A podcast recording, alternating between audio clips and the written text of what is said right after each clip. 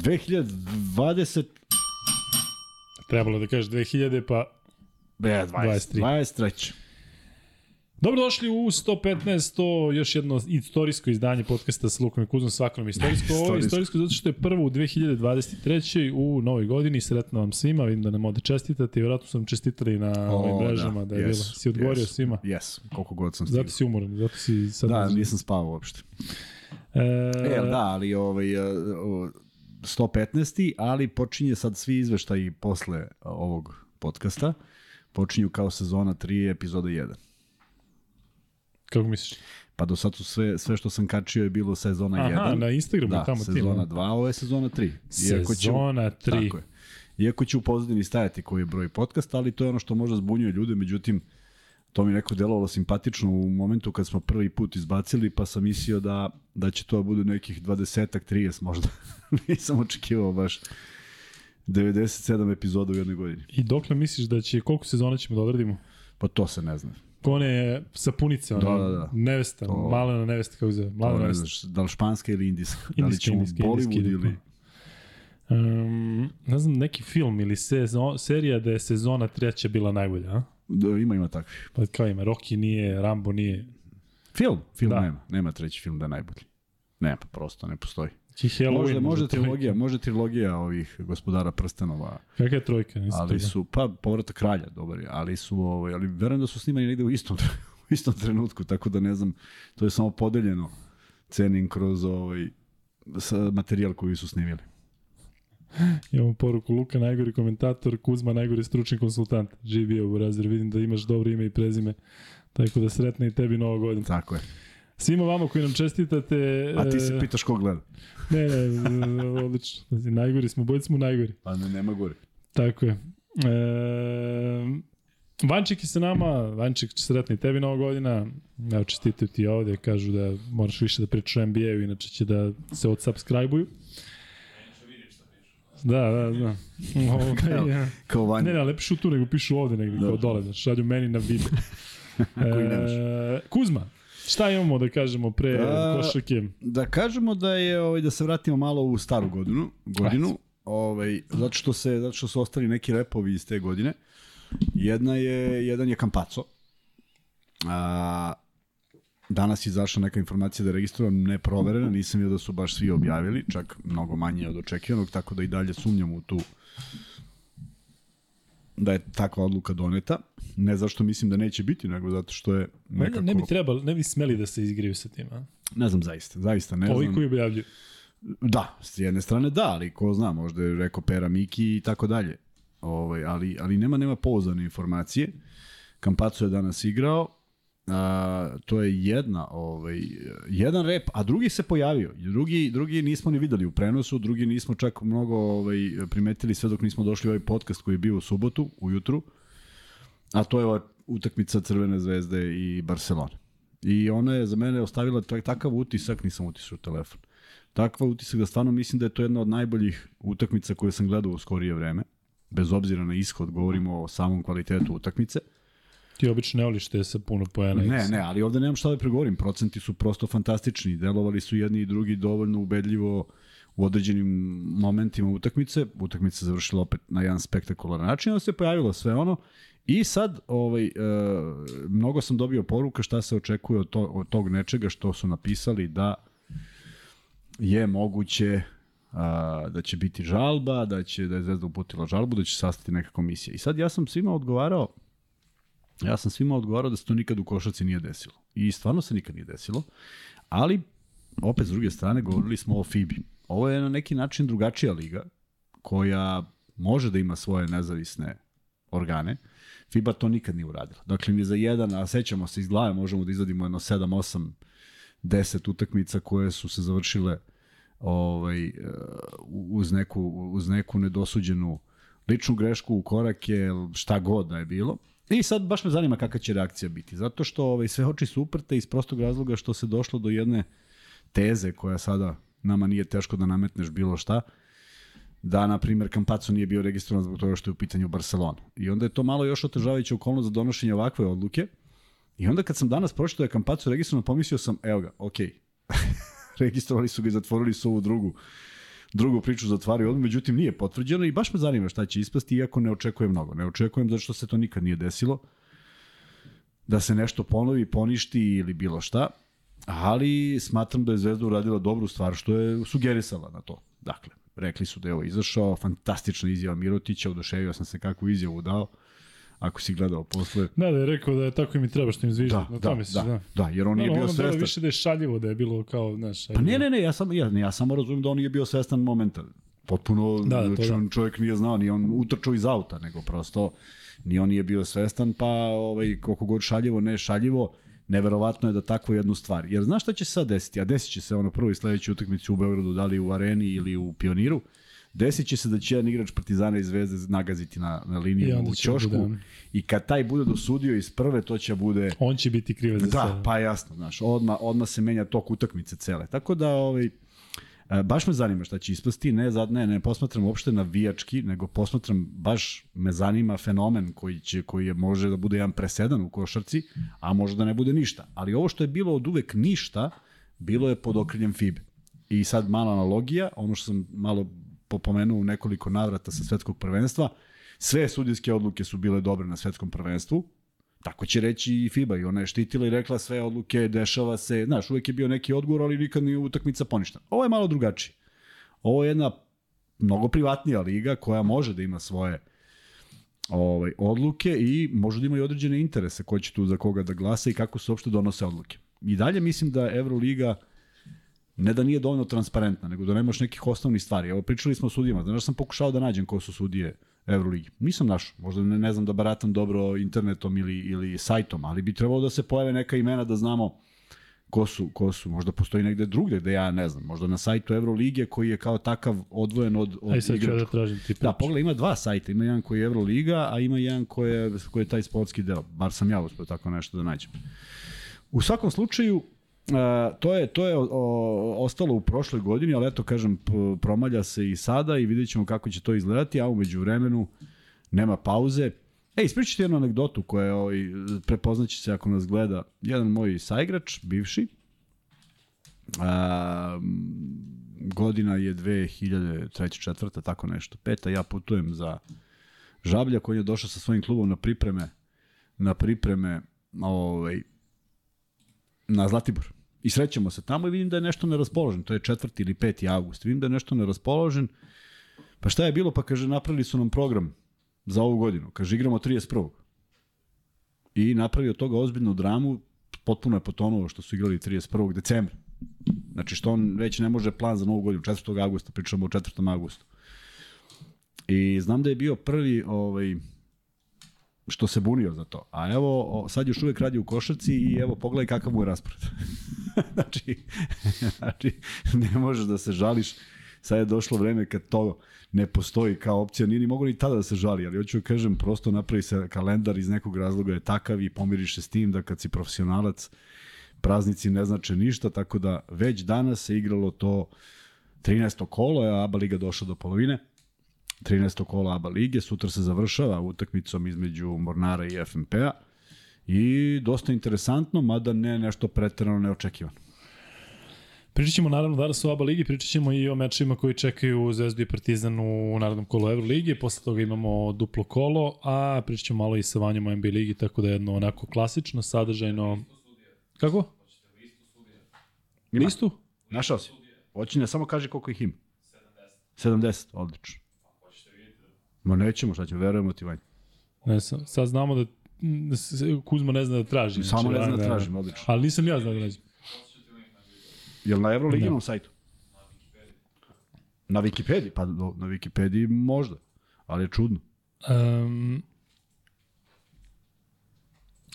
da odgovorim uh, momku koji piše za konkurisanje za komentator na SK.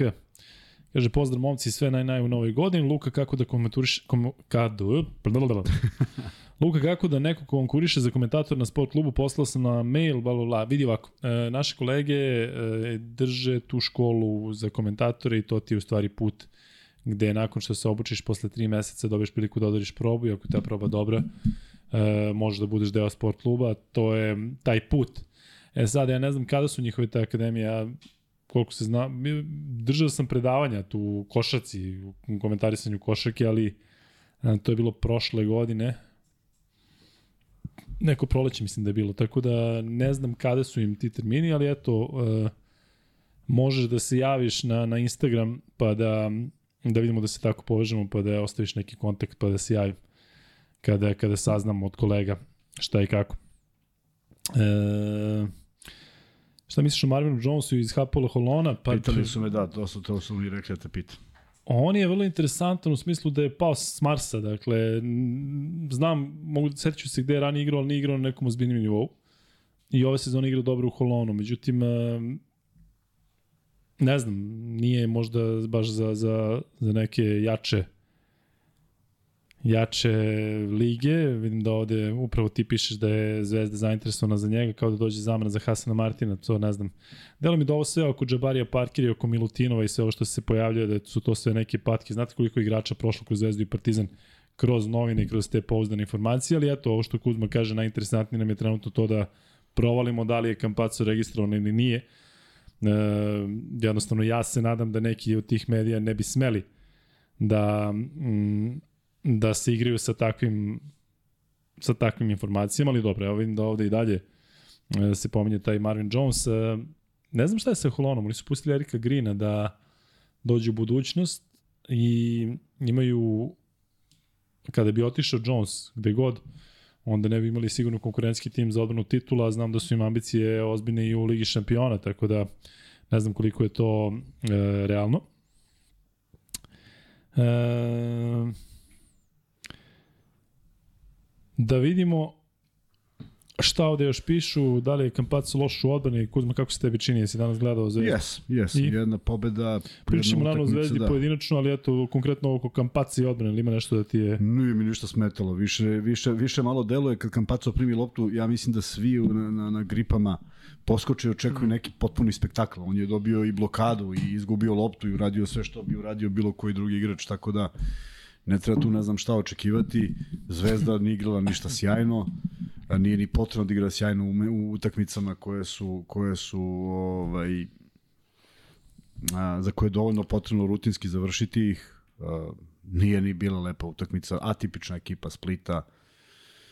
A, dovoljno dobrih ono 5 6 7 minuta defanzive i eto to je to. Tako da ne znam da li može nešto da se izvuče iz te utakmice osim samog rezultata a to svi idu u rok službe, tako da je samo jedna jedna ovaj jedna prepreka preskočena, dovoljno ozbiljno, bez ikakve neke lepote. Ono što je možda najlepše bilo povratak Ivanovića u dvoranu u kojoj je pravio velike rezultate. Mm, mislim da je, lep, da je lepo dočeka. Mislim da se on osjeća onako potpuno posebno, iako je vodio utakmicu podjednako na istom nivou. Da, e, je se sećaš ti njega iz tog perioda? Kako ne, da. Te dve sezone da, se on, da. on je imao tada ozbiljnu ulogu, tako? O, ozbiljnu? Ulogu. Ozbiljnu ulogu, da. I tako. iz tih stagera izlazio sa fantastičnim osjećajem, naskok na dugu dvojku, specifičan šut, specifično nešto sa oproženim rukama, uh, maltene Nešto lakat, neki da. čudan. Pa go, ovako su, znaš, ovako da. ruke su bile gore, pa je vrlo, vrlo mali trzaj bio. Ovaj, da li ali, onako baš mršao tad? Ne, da, jeste. On je, on, kao da, da, pa on i sad i kako izgleda jest. čovjek. Ali ovaj, vrlo nezgodan i odlično se uklopio u jednu ekipu gde on bio možda i među najstarijim. Da, ne Pastor nam je ovde pričao sigur. koliko su u budućnosti gledali u njega, tako pa je, sigurno i ta generacija Rađe i Kukuča tako su... Je. Došli su i ja mislim da on bio surovi profesionalac. Mislim da on sve to što je radio, radio jako, punim intenzitetom. Uh, verovatno im je tada bilo ono šta je sa ovim u smislu angažovanja koje daje na treningu, a ja, to ti je to ti je kada pogledaš Kukuča taj talent koji ima, pa naravno da mu da, da mu da se vrlo retko dešava da taj talent bude podudaran podudaran sa, sa uh, intenzitetom treninga, prosto možeš da uradiš nešto mnogo lakše, ali mislim da je ta ekipa jako dobro funkcionisala i stvarno smo uživali da ih gledamo, mislim, tu ko je sve tu prošao od igrača, to je prosto neverovatno. I ko je tu bio kome rezerva, to je ono što je neverovatno. Petar Nomovski nije mogao da uđe. Luka Pavićević dugo vremena. Sretenović bio prvi playmaker. Mislim, tu je bila jedna gomila igrača koji čak nisu ni svoje najbolje ovaj, partije ostvarili tu, a bili su deo te ekipe. Jel, e, sad kada pričaš o tome, uvijek me zanimalo to, kako je na tom nivou lakše za te igrače koji su ba zaista ostavili neki ozbiljni utisak da postanu treneri. A njima, njima ne otvore neki put, sad Ne. ti kad si Sreta, kad si Ivanović, pa sad si ti osvojio Euroligu, pa da sad ti znači. ne kaže, ajde, Moraš da verujem ti da poznaš Moraš da koš. imaš lif. Ne, moraš da imaš lif. I koliko je veće to što, ukoliko je bitnije to da si na tim nižim pozicijama, zato što malo je trenera koji su sa visokih pozicija da su napravili neke trenerske karijere. Ja sećam se kada je Jean Tabak preuzeo neke španske timove, to je bilo u naš centar, a trener. Prvi trener, head coach. Pa redko je. Ali ima neko objašnjenje zašto. Pa i verovatno ima objašnjenje zato što u, u, tom, u tom psihološkom profilu tebi je playmaker ili back neko ko ti je desna ruka na terenu i on mora gleda mora gleda više, više stvari odjedno, mora kontroliše celu ekipu. Uh, Centri uglavnom rade ono su- individualno s centrima. Da, pa to su, kažeš. gledaj, to su jedini igrači koji vide sve ostale svoje saigrače.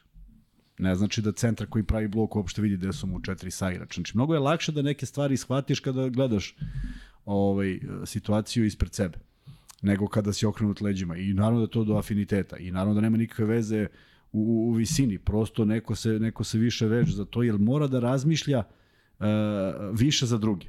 Znaš, ne mogu da kažem da nisam imao saigrače na centarskim pozicijama koji nisu bili fenomenalni i fenomenalno poznavali košarku.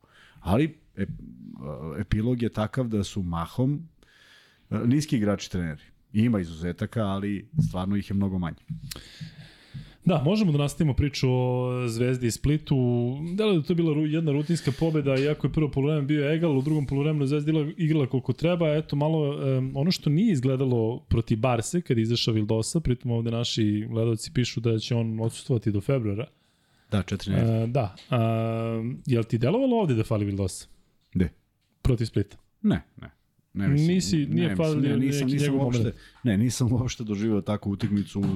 Kažem ti, pričao sam milion puta, nikad nisam izašao na teren da nekoga podceniš i kažeš da ćeš lako, ali a, ovde postoje repovi o kojim, koji su svima u glavi, taj, ta, to je taj poraz od Barse, on ne može da iščili tek tako.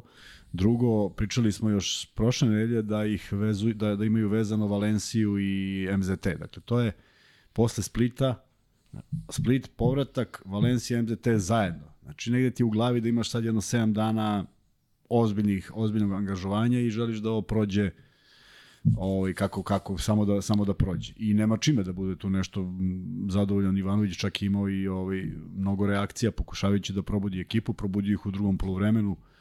Meni je bilo neverovatno, nisam stigao pogledam u realnom vremenu prvo poluvreme iz prostog razloga što sam se uključio u 30 minutu. Ej, u 30 minutu. I gotovo. 30 minuta je trajalo prvo poluvreme. Si, jesi čuo nekad? Mm, da, nevjerojatno. Ja mislio neki, neka greška, nema...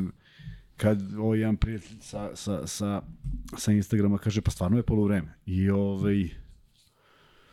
I ono drugo poluvreme, bam, odlepili se, napravili 14-0 i to je negde, negde, negde pravilo razliku, iako, kažem, nije tu bilo, bilo je lepih Nedovićih poteza, bilo je dobrih e, pozicija za šut, bilo je i mnogo gluposti, Uh, ali nekako je ta utakmica prevedena na kraju, zabeležena dva boda. Split baziran na tri, tri po igrača koji igraju vrlo atipičnu košarku.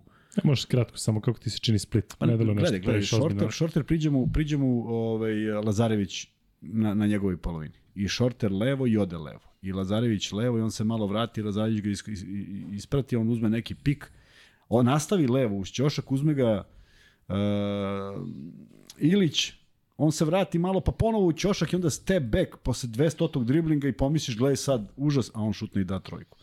Mislim svaka čast, ali to nije igra. Ali za te Amerikance i te strance koji ne služe praktično ničemu, Nema, nema sistema, nema onda. da. zar nije bolje da ti gruvaš nekog mladog igrača ako si već Pa pretpostavljen na tabeli su, i da e, štediš to sad, pare to i sad možemo pričamo kako Ali hoćeš, to je da. ono čemu stalno pričamo, recimo da istrpiš playmakere, pa za neće da ga trpiš Slažem sad nekog klinca iz Splita ili negde iz Dalmacije gde god i da ga ti sad trpiš pa po svaku cenu nek izgubi 12 lopti, nego da platiš ovog i da opet na kraju budiš koji? 11? Tri momka koji su tu, sve je to u redu, ali prosto ne vidim, znaš, ne vidim, ne vidim, jel, jel, koja je ideja? I novinar se žali, komentator se žali na na iznose koje, ko, koliki je budžet Splita, koliki je budžet Zvezde, kako je to neuporedivo, otprilike malo sažaljeva ekipu Splita koja igra sasvim pristojno u krajnjem slučaju tebi izazov. Nisu to ljudi koji ne znaju da igraju košarku, da se razumemo. Ne bi, ne bi ni bili ni u kakvom timu. I naravno da njima izazovi da odigraju neku utakmicu koja je možda i van njihovog domašaja, ali na taj način. Potpuno nema, naš, mnogo je teško kad imaš neki sistem kako ćeš da organizuješ, a tamo protiv nema sistema. I kažem, takvi su bili poeni. Tako je to izgledalo. Ovaj, I Zvezda je to privela kraju u rekordnom nekom vremenu. Vrlo kratko je trajala utakmica. Kažem, bilo je tu bljesaka, bilo je tu nekih uh, dobrih kretnji. Bentil se malo probudio, opet dao neke poene. Sluša podcast izgleda, a? Izgleda da sluša. Pa, Jeste, ono, prvi put sam da je nekoliko puta igrao na niskom postu. Pa nema, nije, nije. Mislim da je to ideja Ivanovića da je shvatio i rekao mu je verovatno Benti, druže, slušaj, znači nećemo igrati to, nego ćemo da igramo ovo, pa ako možeš... A igle, idi prvo pogledaj se u gledalo, pa... Pa vidi koliko si pogledaj, video, pa možda da. daš neki koš. Tako da mislim da ih je tako i davao i da je to bilo sasvim pristojno. Nisam, nisam vratio ovaj, do, do, da vidim da li je Holland uopšte igrao, zato što ako igrao, igrao se na samom početku, kažem, koji sam, koji sam propustio, ali možda i nije. E, što se tiče Holanda, on na ovom meču Šta kažeš? E, I meni je to promaklo, ja ga nisam video, moram priznati. Pa to- Igrao je 5 minuta u prvom Pa verovatno je prvo, prvo Da. sam početak, jer nisam Da. baš vraćao da vidim šta se dešava. Uh, ono što sam još mogao da vidim, Ilić, razumem, razumem sada zašto u nekim stvarima, ovaj, uh, zašto ga nema u ekipi. Ajde, počnemo njega, nema veze, reci šta... Uh, pa, mekanost, mi- mekanost, taj neki Sullivan se u, u, uvali i on fenomenalno izrotira, ali on primi loptu i uspe da se oslobodi uz faul. Znači tu nema, ili si, ili si izrotirao, a Nazdrav je! Kuzma. Kijan je, Kijan je u live. da. E, živ bio Kuzma. Hvala svima. Srećni i vama. Ovaj mora mora da bude čvršće. Mora. To je neki, to je neki Šmic, to je neki Mirotić koji video si kakve duele vodio sa centrima Zvezde, to je neko ko ima telo, to je neko ko ne sme da da koš. A jel ti deluje da je problem kao kod Petruševa, da je bio mekan, pa, pa treba da bude... Evo ga još jedan. Opa! Idemo. Prvo, za jedno Ne treba. 20, pazi, za 20 podcasta bit će free bet pitanje u kom, ti si. U kom Da, u kom podcastu Ku- je Kuzma Kuzma on, i da platimo 115. Nećemo se mogu štucati kako vam je bilo ako si Seća se ima ljudi koji se sećaju, pisali Ja. su. Dakle, nije on bio ništa ovaj uh, Ne, nego on fizički ti deluje da je slab da, možda izdrži ili da, je ko Petruše malo ne, ne, možda... Ne, ne, malo, malo mislim da mu je da nije navikao. Ali nije tako delovao i okej, do duše. I okej, okay, njegov prostor i Aba Liga. Znači, sad govorim, ovde Da. da. nije bilo toliko, ali prosto ako je to neki momak iz Splita, to znači bit će neko duplo bolje odavde. Međutim, ono što je za svaki respekt, to je što na svaki skok ide i poskidao je silne neke 9 lopte. skokova imao Ilić danas, a niko da. drugi zvezdi nije imao više od 5. E, vidiš, i poskidao neke silne lopte u napadu, opet on i Lazarević. Zajedno, gledao sam Lazarevića kretnja, on se stalno ovaj, muva po pečevnoj liniji, skače, toliko je agresivan i toliko problema napravi ovaj, u odbrani da, da prosto zaista odrađuje ogroman, ogroman deo posla. Što se tiče ostalih igrača, žao mi je što Topić nije ušao, Hajde, ćemo, kažem ti, jednog po jednog, žao mi je ali... što on igrao, ali nije bilo prostora, jer je stalno bila neka klackalica gore-dole. Uh, Kampaco ništa, 5-2 trojke, 3-1 trojke. Šutno je tu trojku čim je ušao, da, odmah odvo- odvojio zvezdu, vrlo bitna trojka Si čuo ovu statistiku, 5-2 trojke, 1-3 trojke. Znači, 1-3 trojke i 2-2 trojke. I 0-0 za 3. E, koliko kampaca, pričali smo o tome, remeti sve ovo što se dešava, da je... Da, apsolutno ga remeti. Naravno da ga remeti, jer on još uvek ne zna ovaj, svoju svoju Sudbinu. sudbinu, tako je. I to ne, naravno da nije... Evo ovde pišu oni pouzdani da je Euroliga demantovala i da je takođe i ovo oko um, Milutinova isto da se jave njegov agent i da je rekao da nema nikakve veze sa realnošću, što deluje ozbiljno. Vidim da ste pis- pisali ovde da je Jabari Parker bio u areni. On je momak koji je bio ispod koša u onom duksu crnom sa onom nije Jabari Parker, tako da se razumemo.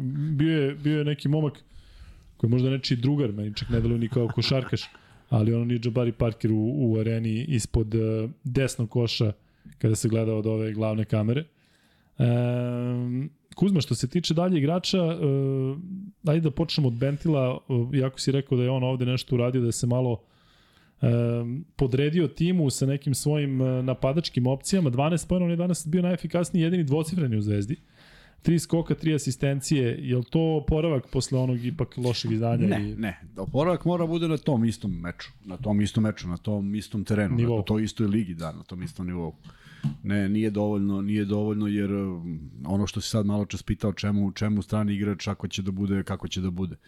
Tako da Bentil apsolutno nije zadovoljio time što je Split pobeđen, pa on se samo malo probudio, ali ja mislim da on ne može nekako, valjda, valjda mu se čini negde gde može, a tamo gde ne može i ne pokuša. Jer uh, neshvatljivo je da Zvezda ne koristi njegovu visinu. Ivanović pokušao to od prvog dana i videli smo to prvog dana da je promenio položaj uz sve ono što mu dozvoljava da šutira za tri, ali pogledaj sad paradoks, mi smo pričali kako mu to više leži, više leži, više leži, on šutne onu trojku protiv Barse. Ja mislim da on takvu ne može da ponovi, više nikada. Čak i kad je promenio ruku kojom šutira, ne može onako da ode lopta jer je ono potpuno neverovatno. Tako da očigledno da on ima neki taj problem. Na sve to se nadovezuje što si pisao, da ima neke poruke i da mu stalno nešto šalju i da on u tome nešto raspravlja. Tako da nije mu lako da igra, ali ovaj danas dobra partija. E, ne mogu ne želim da kažem da nije važno. Naravno da je važno i u ovim utakmicama da neko bude dovoljno siguran da te vodi do pobede, ali prosto vole bi da ga vidim u boljem izdanju u okviru Euroligi. E, jako dobro spoređena minutaža danas u Crnoj zvezdi, niko nije igrao više od pa 24 da, minuta, tako i to su uglavnom radi u ABA ligi kada... Ja ne mogu potam više koga nema, iskreno da. ti kažem. E, sad ćemo ovde da prođemo sve, pa ćemo vidjeti ko sve, fali. Sve, opet ne znam koga nema. Koliko god gledam ovaj spis. Nema Martina i Vildose i povređeni su ljudi, nema Raduljice, nema Kuzmića. Pa znači svi su ostali su tu. Pa, da. da. E, nema Ivanovića, naravno. Da. Znači svi koji su povređeni nisu tu. I, je, da, da. Pa da. Nedović, 9 poena, 3 skoka, 2 asistencije, 18 minuta, 2 od 2 za 2 i Kuzma tih 0 od 6 za 3 sada već da, postaje, opet, je, sad postaje zaista problematično. Jeste, opet su to bili neki šutevi, vjerojatno da probije tu tu blokadu, ali ništa nije telo duđe. Baš ja mislim ništa. da i dalje on ima kredit zbog one trojke protiv Partizana, inače bi mnogo kredita, više ima pričali. On, da, ima on kredita i nema i možemo da pričamo šta god hoćemo. Kad, po, kad pobediš u jednoj sigurnoj utakmici, a probao si, to nije ništa To, to, mu, to mu dozvoljava trener, nije ga on jednog trenutka promenio. Na kraju je izgubio neke lopte i pravio neki cirkus momentalno izašao napolje jer Jest. to je nešto što ne sme. A ovo da li će da pogodi, ajde, nadaju svi da će pogoditi, pa Pa, Šta se radi u tim situacijama kada je kanal što ovde naši ne pišu u šutu očigledno? Ne znam, ne znam. Ne Treniraš znam, više, šutiraš više. Pazi, glupo je reći, glupo je reći, svi smo mi to imali. Ja ne mogu sad, naravno, ne pamtiš kad si imao taj, tu, tu minus fazu, ali smo imali. Imali smo, o, imali smo i fantastične momente, imaš i ove. Uh, Ja stvarno mislim da to dođe odjednom samo od sebe, ali više od, od nekog, više kad ti spustiš taj psihološki pritisak na, na nulu i kažeš ok, igram utakmicu, sam sam i šutiram. A, samo to može da bude blokada. Samo, samo to neverovanje da lopta, ne kažem da kad veruješ lopta ulazi sama po sebi, ali ako ulaziš sa idejom još samo da ne promašim, to stvarno nema, nema, nema mnogo smisla i ne šutiraš rasterećenog, imaš ozbiljno opterećenje. Drugačije reaguje celo telo, verovatno i nervi, pa i prsti. Tako da, Uh, mislim da mu je samo potrebno da prestane da razmišlja o tome da uzima bolje šuteve. Opet e, danas pa to mislim da je opcija, da, da ti ipak se namestiš bolje nego da ono bude sa 8 metara danas, preko ruke. Znači, ja kako bih to pokušao da rešim, tri napada, tri napada, daj tri napada istu akciju. I izađi, zavrni i opali. E sad, ako te neko pročita, ne opali, naravno, nego opali kada budeš bio ponovo sam. Ali ta, tako se to rešava, da stekne samopouzdanje i da se vrati u samo njegov pristojan procenat. On nije ništa ekstremno, ni ekstremno loš, ni ekstremno dobar. Samo da ima onaj prosek i već to dovoljno dobro.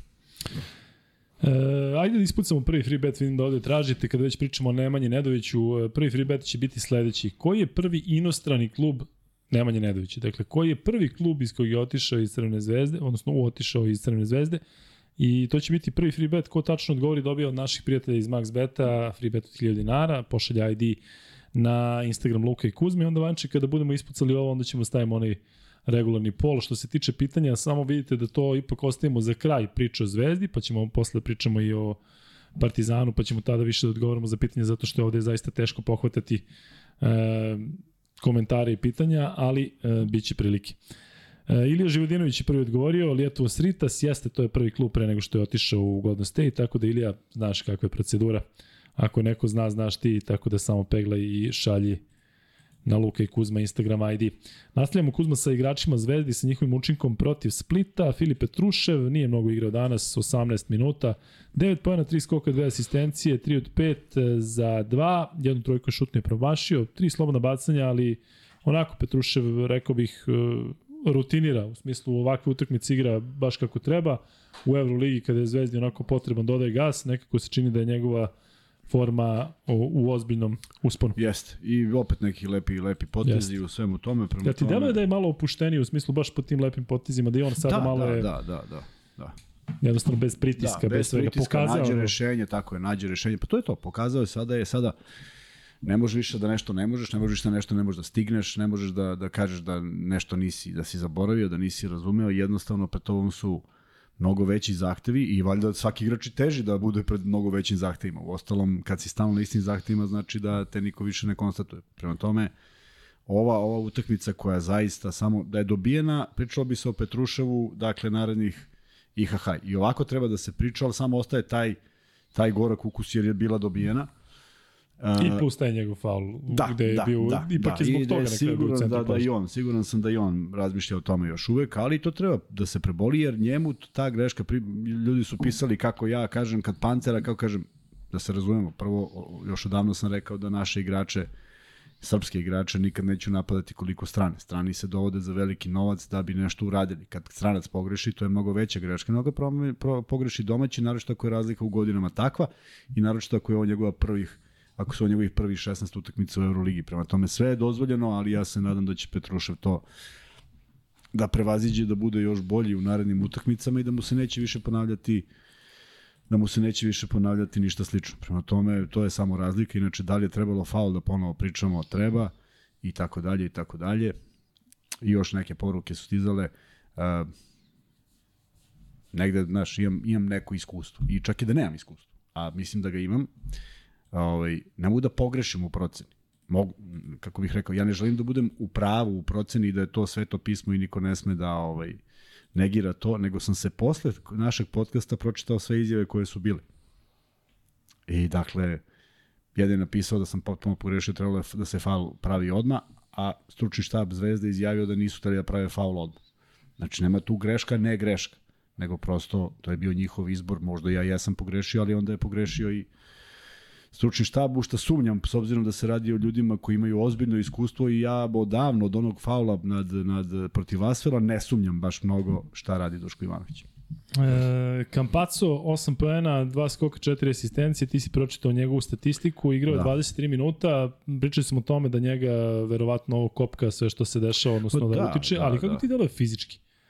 Ja ti delo spremno fizički da, kampac? Da, da. Da, i da, meni delo da on u treningu, dakle, to što da, nije igrao u Dallasu i što je nešto bio bez kluba, on očigledno da. da je održavao. On ima najveći problem da što ima tri izgubljene lopti, znači ništa da. više. I to je to. Četiri asistencije, sve ostalo u njegovim brojevima pritisne presing kad treba, sa, svog igrača zaustavi doslovce, odlično, odlično rotira, bila jedna, jedna odbrana zvezde kada je on bio taj u poslednjoj rotaciji koji izašao na šut pa je promašen ceo koš, prema tome vidim da je on spreman i, i verujem da mu samo sad negde ova blokada ugovora i svega šta će se dešavati, kako bih ti rekao, a, nije, nije mala stvar da bi se odlagala, a ne znam zašto toliko dugo traje. Prosto mi nije jasno. Ako Euroliga ima šta da kaže, kaže to pre 7 dana kada su papiri poslati. Ili kažu nisu poslati papiri. Ali da postoji još nešto između, onda neka neko objasni šta to postoji, pa makar, makar da znamo, a mislim, šta ima da znamo, kako ko nam pa nešto priča. Mm, U dalje. svakom slučaju smetamo, znaš, negde razmišlja jer on nije došao da igra te utakmice, došao da igra ove utakmice, a pitanje kad će i da li će moći. Da ne deliš baš kao optimista, a? Pa ne delujem. Sa tim, da li će moći? Pa ne delujem, zato što... Zato što ne bi ti iznenadilo da Euroliga tu nešto zamesi negativno po zvezdu? Ali ja stvarno ne želim da mislim o tome, o jednom najkvalitetnijem takmičenju Evrope. Ja ne želim da mislim da postoji nešto iza. Ja, kratko mi odgovori, da li ne, da Campazzo treba da potpiše za bilo koji španski klub. Mislim da, li da bi ga već završili. Eto, to je to. Da, mislim da bi se već potrudili da završi. Ništa više. E... Evo, šalje, šalje Veljko Marš. Šta kaže? Pa kaže. Problem još nije rešen, tako da mera koju je donao nezavisni finansijski panel prema Crvenoj zvezdi koji klubu zabranjuje dalje registraciju igrača dalje na snazi. Očekujemo nove informacije najkasnije od sledeće nedelje. Dakle, ovako. Ako je ovo istina što oni kažu, to znači da Zvezda ima još neka dugovanja. Je li tako? I onda, ga, onda je stvar na Zvezdi. Ali ako su i Zvezda rekli da su izmirili sva dugovanja, još pre Božića, i da se ovi nisu sastajali neko vreme, nema treće, može samo bude jedno od ova dva. Ako je ovo zvezdino da nije isplaćeno, suviše, šta god da nije isplaćeno je mnogo manji iznos nego što je dobio Kampacu. Ne verujem da bi se kockali s tim. A ako je nežo, neažurnost, moguće da je neažurnost, pošto nas baš ne zanima mnogo da potpiše tamo. Eto. Ne znam, treća varijanta ne postoji. Šta je od te dve? Pričao sam sa ljudima kojima verujem. Rekli su da ne da je isplaćeno to što je trebalo da bude isplaćeno, da je isplaćeno sve. Dakle, nisu mu imali opciju mo, mor, pod moranjem sve da isplate, pa su isplatili sve. To nam baš reći, da znači čisti. ti imaš neke informacije Pa da neke sve... informacije koje znaš, ja sad mogu da da ih tako iznesem ovaj, i da verujem u njih ili da ne verujem. Nema ih, nema ih da mogu da ih pročitam naravno, ali verujem. Jer, kako bih ti rekao, sve što se, šta god da se duguje, kome god da se duguje, je mnogo manji iznos nego o čemu pričam. Ehm, da. Biće zanimljivo pratiti to narednih dana. Ja ne volim kada moramo da pričamo o takvim nekim nekošarkaškim stvarima. Dakle, Da li kapiram, pa je sad ovo šta kapiram. Ako je, ako je posljednji dan za registraciju Kampaca za Barcelonu bio sreda, to znači da je i sada sreda. Dobro. Pa znači u sredu, ne, ne čeka se četvrtak, nego sreda. To je za dva dana. Da, napiši se ovde neko, mislim da je naš Brešanac da četvrtog treba Euroliga ponovo da se sastane da o tome odlučuje, što je sreda. To su rekli da je četvr, da Ne, ne, četvrti je, četvrti je četvrtak. Ne, danas je ponedjeljak, četvrti je sreda. Da, ali rekli su da treba da odluči o utakmici. Sad ne znam da li će istog dana i jedno Da. i drugo, ne znam da li je povezano. Ali to je posljednji dan. Jer ako ne bude prošao sredu, onda ništa. Da. Naćemo u četvrtak da li igra protiv uh, Valencija ili ne. Ja se iskreno nadam da ćemo znati u sredu. Ne, mi ćemo ovde znati u smislu na podcastu ćemo A mi moći ćemo da pričamo o tome, da. Za sada ovaj, ne možemo više ništa ozbiljnije da komentarišemo, dakle, kada ne znamo. Ali imat ćemo podcast i u četvrtak i u petak, dakle, budite sa nama, pošto i Zvezda i Partizan igraju sada odvojene mečeve. Kuzma, dolazimo do Stefana Markovića, koji je danas najbolji šuter Zvezde. Jesi vidio? Da, dve trojke, obe bez koske, levo ih 45, pa desni Ej, što je- 45 što je- jako bitni moment. Što je najsmešnije, pazi šta mi je prošlo u glavu. Uzeo je tako sigurno ta dva šuta. A treći je uzeo, e, sad kad sam dao Si dve. kako ide u levo. Treći je bio na- levo, znači, ali rotacija je takva bio. da beži od On koša. kako izbacio, ti vidiš da Jeste, to ne jeste, ide na jeste. koš. Ali majstorski je dao one dve i uh, vidi, uh, nije lako igračima kada se stalno priča o tome. On stalno mora da ima negde u glavi. Kažem ti, to se to se u, pro, u prošlosti nije dešavalo toliko. Sad ti to čitaš. Sad se neko sprda. A da li tako misliš da, da čitaju? Ne, pa Vidi, nemoj. Željko Bradić je rekao, ne interesuje me ništa, ne volim, ne, ništa me te ne interesuje, ali delo je kao da mu neko javi, da neko čita. Zašto bi pričao kao, ne, to što znaš vi ti koliko pričate ima sve. tih divnih ljudi koji ti se jave kad nešto bez veze, znaš? Uh. Ali gde ti se jave? Gde se, E, pa jave, gde gde si, se jave? Željko Ne, Bradović? pa gde si, gde si žot, šta radiš? Evo tu, si još šta izašlo od tebi? Ima takih ljudi, majke. Ima? Ma da, na 100%. Ima oni koji se naslađuju. O Da. žocu, o mocu, o bilo kome, potpuno sve jedno. Tako da, ovaj, e, a ja sam, imao sam prijatelje koje sam pitao, ima nekad kad je nešto lepo, a ti se javiš Da i kažeš, isto "Ej, šta prijavi, sam da." pročitao, da. Ovaj, tako da postoje, ali a, svaka čast Markoviću. On igra, on igra bez promene grimase, igra najbolje što može i ja stvarno mislim da on čovek bez obzira na ono promašeno bacanje. Aj sad, sad će neko da opet kaže a, kako sam pričao kad promaši Naneli. A Naneli je profilisani šuter. Kad je promašio bacanje. Ne može da mi bude isto. Ja sam odmah, odmah u startu, dok je trajao prenos, rekao da je dosta konfuzije bilo da do Markovića ni treba dođe lopta. Prosto. Ja, ja mu nikad ne bi dodao loptu. Ne bi Marković bio na liniji slovni bacanja. Bio bi kao posljednja opcija kad bi mi imali ono kružimo, kružimo, kružimo, pa baš moralo kod njega. Ali Kuzmo, to je ozbiljan problem kad imaš takvog igrača toliko iskus- iskusno koji igra na toj poziciji, a ne bi mu nikada dao loptu. A ne moraš da, ne, ne, ne da mu nikad ne bi dao. Dao bi mu i za šut. I ne bih imao ne, problem kad da kažeš za u šut. tom trenutku, U ne bi tom mu dao, trenutku ti mu ne nije bi dao. šutnuo slobodno bacanje. Znači vidi, kad bi, kad bi imao jednog koji je šutnuo 8-8 i jednog koji nije šutnuo, pa izabrao bi ovog taman, on, ovaj procentualno ali- bio bolji šut. Ali koliko to zaista u stvarnosti ima veze zato što Teodosić da uđe u 39, 39-56 i da nije 7 dana spavao ili sve, ti bi mu opet dao loptu, tako svako bi mu dao Da, ne znam, baš ako je baš u su A, 39, E, govorim, ali 56. kažem, generalno imaš te igrače koji Nedoviću bili, bi da. dao zato što je čovjek i danas pogodio sva bacanja. Kad god treba, on uzme i pogodi. Vrlo, vrlo jednostavno. Dakle, prosto on je na terenu. Uopšte ne razmišljam ko je drugi. Samo razmišljam ko je prvi.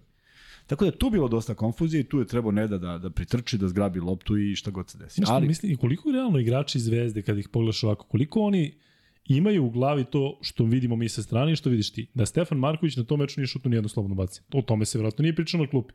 E, Stefan nije šutno, pa zato pazi. Ali To Petrušev sigurno nema te osjećaje da je Nema, pratio sada na nema, klupi. Nema. On, on ima dve opcije. Da ne zadrži on, ili ako je zadrži, da ga da. Što jeste opterećenje kad je puna sala i nije morao. Ali ne dodaje tamo. Nego traži Nedović. Mora da zna ko je šutno sva bacanja. Traži kapitena, traži Nedovića, traži bilo koga koji je tu u tom trenutku neko ko ima iskustvo u takvim situacijama. Ja mislim da bi on pogodio oba. I da bi bio apsolutni heroj utakmice. Da. A mislim da se Marković prilično iznenadio jer mesto na kojem dobio loptu je potpuno... Znaš da je dobio loptu? Kod svoje tamo klupe, u da. Pa je gurnu napred onako ispred sebe. Pa da. To je sve ono radio kako treba što se tiče Da, ali, ali vidi, stavio si ga u, ozbiljnu, u ozbiljan problem. E, vreme, šut, Jeste. vreme kreće, bacanje, ovaj hvata, baca i sad ti ne, ne možeš da ideš nazad, sad ti treba da ideš napred. Dakle, ako ćeš da eskiviraš nekoga, mora ga eskiviraš, ne da vratiš još loptu, jer mogu je teoretski da ne prenese ni preko pola. Mogu je ne bude faul, mogli su ga pritisnu, mogu da bude loš pas, mogu da bude bilo šta. Ali, kažem, to su sve de, de, desetine sekunde, tako da razmišljati na tom nivou mnogi, mnogi drugi nisu uspevali. E, još jednom da vas zamolim da pitanja oko Zvezde sačuvamo za kraj segmenta o Zvezdi. Dakle, pričat ćemo sada o meču danas, pa ćemo onda da pređemo na Euroligu, pa ćemo onda da, da pustimo vas da nas pitate o Zvezdi. A mi nastavljamo sa igračima. Kuzma, delo da je Dobrić i dalje u nekom problemu što se tiče šuta. Ti si sam rekao da je onaj protiv Barse morao da pogodi onaj, onaj koji je bio u stvari najčistiji. Da, je pogodio. A da. danas e, protiv Splita 1 od 5 za 3. Da, 7 mogu. pojena ukupno, 20 minuta i on dosta oscilira što se tiče te šuterske Jest, forme. Neko sad ovo podsjeća na početak sezone kada nisu baš imali poverenja u njega kad se digne. Jeste, 3 od 10 je mnogo za jednu utakmicu, bez prodora, faktički bez slobodnih bacanja, opet s druge strane pet skokova, što je za, za, svaku, poč, za svaku pohvalu, ali ja mislim da on može bolje. E, Lazarević, 6 pojena, 3 skoka, isto za 20 minuta, 3 od 5 za 2, jednu trojku Ništa, šutnu i sve po... odradio kako treba, Lazarevićevska partija, Jest, klasična. tako. izubio sve tamo u odbrani, nisu se nagledali koševa. Uh, stalno bio opasan za skok u napadu, možda uhvatio malo lopti koliko je, uhvatio jednu ofanzivnu, ali on je stalno bio na skoku, prema tome donao poremeti igru, još jedno njegovo dobro izdanje, to je neka njegova rola između 6 i 10, 12 poena, ovde uzeo pet šuteva, za, za, za dva, jednu trojku promašio, ništa, nik, nikakav problem, samo da nastavi ovako. Evo, Marko Pavlović vas ovde poziva da lajkujete, uvek vi radite posao umesto nas. Hvala Marko što, što eto nas podsjetiš tako u komentarima. Um, evo, Daliboru Iliću smo pričali. Njegova minutuža, min- minutaža je danas bila ok, 18 minuta, ali rekao si da je mekan, ipak sa tih 9 skokova, Mora, to jeste mora dobra to, stvar. da. Jeste, jeste, svaka čast, Dakle, kažem ipak- on je bio stalno skoku, duge ruke, lepo, samo, samo da bude tvrđi, samo da taj skok uh, upadne u ruke bez mnogo problema, samo da ta rotacija kad stigne uh, ne napravi faul. Ili da napravi faul, ne sme bude faul i koš, znači samo da bude malo čvršći. Luka Mitrović danas deluje da se malo štedeo, 5 poena, 3 skoka, 2 asistencije, 3 puta je šutno, 2 puta pogodio, slobodno bacanje 1 od 2, Ništa, sve standardno kod Da. njega. Lazić, tvoj omiljen igrač, 3 poena, jednu trojku je dao za 15 Ma da. minuta. Nikakav problem. Dva skoka, ništa, sve super. E, I Holand za kraj 5 minuta, očekivali smo svi da igra više, tako znam. Očekivalo smo, očigledno nešto nije išlo, jer je prva četvrtina u kojoj je verovatno on igrao završena dva razlike za zvezdu. I Tako da- kad igraš više protiv Barsa, manje protiv Splita, moguće da je onda je problem ovo, u tebi. jest. Da. Možda je nešto i do njega. E, još malo, ali imaš nešto da prokomentarišeš opšte oko Zvezde i Splita, pre nego što A, pređemo na, na bilo bi, meč protiv bilo bi divno da pred ovu seriju utakmica Kampaco bude završena registracija, zato što bez, bez Vildose i Ivanovića na pozicijama pleja biće mnogo, mnogo, mnogo teško. Ne i nemoguće. Zato Pa samo što... pogledaš Vildosa, Kampaco Ivanović. Pa da. Svi Ne i nemoguće jer su pokazali da su bar protiv Barse mogli, ali vidi, to bi to bi izgledalo sad ovako. U kako su odigrali protiv Barse, protiv Splita treba bude 30 razlike. Nije to baš tako. Dakle, svaka da, to tako utakmica je- gleda onaj ko baš Jeste. gleda samo rezultate. Tako da je utakmica svaka za sebe, protiv Valencije će biti čupavo iz prostog razloga što se radi o jednoj odličnoj ekipi. Da li Zvezda može da i dobije? Ja mislim da može, kao što sam bio ubeđen da će dobiti Barcelonu. I, ali problem je što ne možeš da ponoviš dva puta u ovakvom naboju, pa ti odlazi igrač, sa igrač, pa se ne vraća, pa ti mora kompenzuješ, pa kompenzuješ, pa ispadne kako treba. pa ti negde na ruku idu i neke njihove ovaj, loša realizacija u tom periodu, pa se sve poklopi. Ovde će isto biti čupavo s tim što stvarno mislim da Zvezda mora da nastupi sa istom energijom. Teško je će kod Ivanovića biti drugačije, ali bilo je ono fantastično šutersko veče za dva poena makar, ako ne za tri. E sad to treba isto ponoviti, nije to tako lako. Bez Kampaca koji sigurno može da ima od 4 do 10 asistencija, to jest tih 20 poena da namesti u bilo kom momentu bi bilo mnogo lakše. Vidjet ćemo šta će se desiti u tu sredu i da li će se išta desiti i za jedno i za drugo. Mada, evo, ovaj, pošto ja slabo pamtim istoriju, zaista, mislim, te neke stvari koje su dešavale uopšte ne krijem da ne pamtim, ali ima neko ko to sve pamti, pa nam kaže naš verni pratilac, samo da nađem, Lazar Grbić, kaže, Vlado, kaže, u sezoni 2000-2001, dobro, to je baš davno, U prvoj sezoni odvojene Evrolige ulebo meč Ajek Tau Keramika. Trener Ajeka Ivković, a Tau Keramika Ivanović. Pazi sad to. Po isteku vremena, kada rezultata, ako se dobro sećam, 75-74, Dikudis daje koš po isteku vremena i Radić, sudija ga prizne. Utakmica je ponovljena. Jer rekoše da sudije ne mogu svojom odlukom da odluče direktno pobednika meča. Da, ali o, koš, da nije bio koš, pobedila bi, pobedila bi Tau Keramika, tako? Da. Ali ovde ne znaš šta bi bilo da, da je nagazio liniju, tako?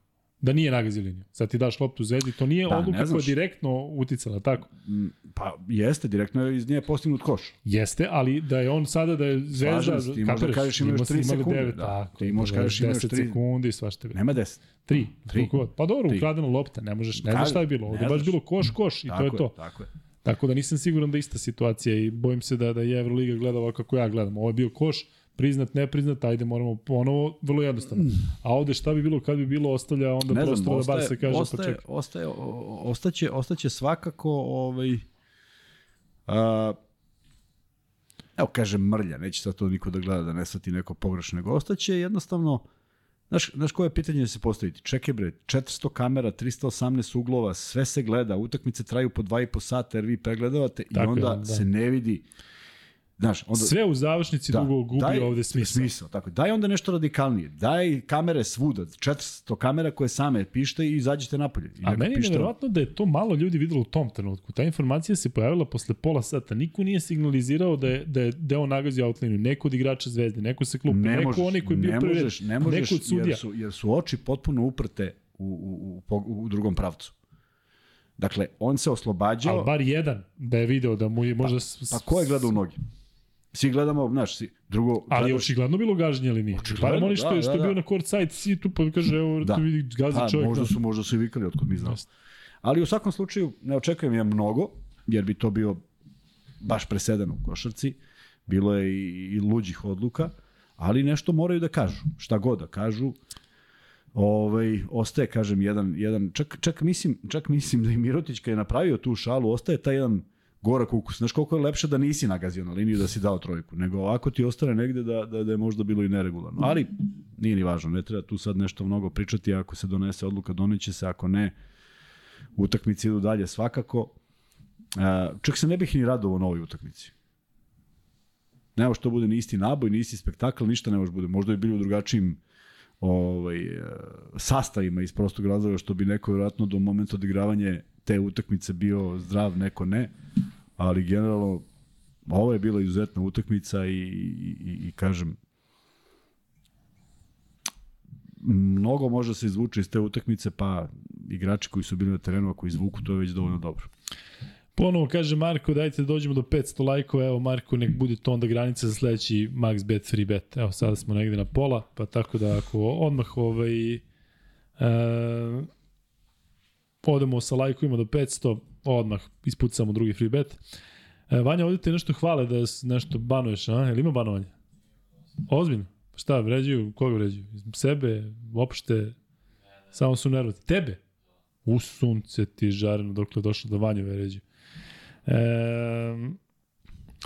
idemo ovako. E, pošto ćemo pričati o meču protiv Valencije u četvrtak, pošto je Zvezda Zvezda igra u petak, pričat ćemo naravno više o toj najavi, ali hoću da te pitam sada, kako ti dole Valencija ove sezone? Oni igraju nepredvidivo. Da. U ovom trenutku su u Euroligi e, na skoru 7-9 isti skor ima Partizan, dakle imaju pobedu manje i poraz više od Crvene zvezde. U posljednjem kolu izgubili su od Armanija, tu su, ja mislim, defanzivno odigli jednu od slabijih partija ove godine.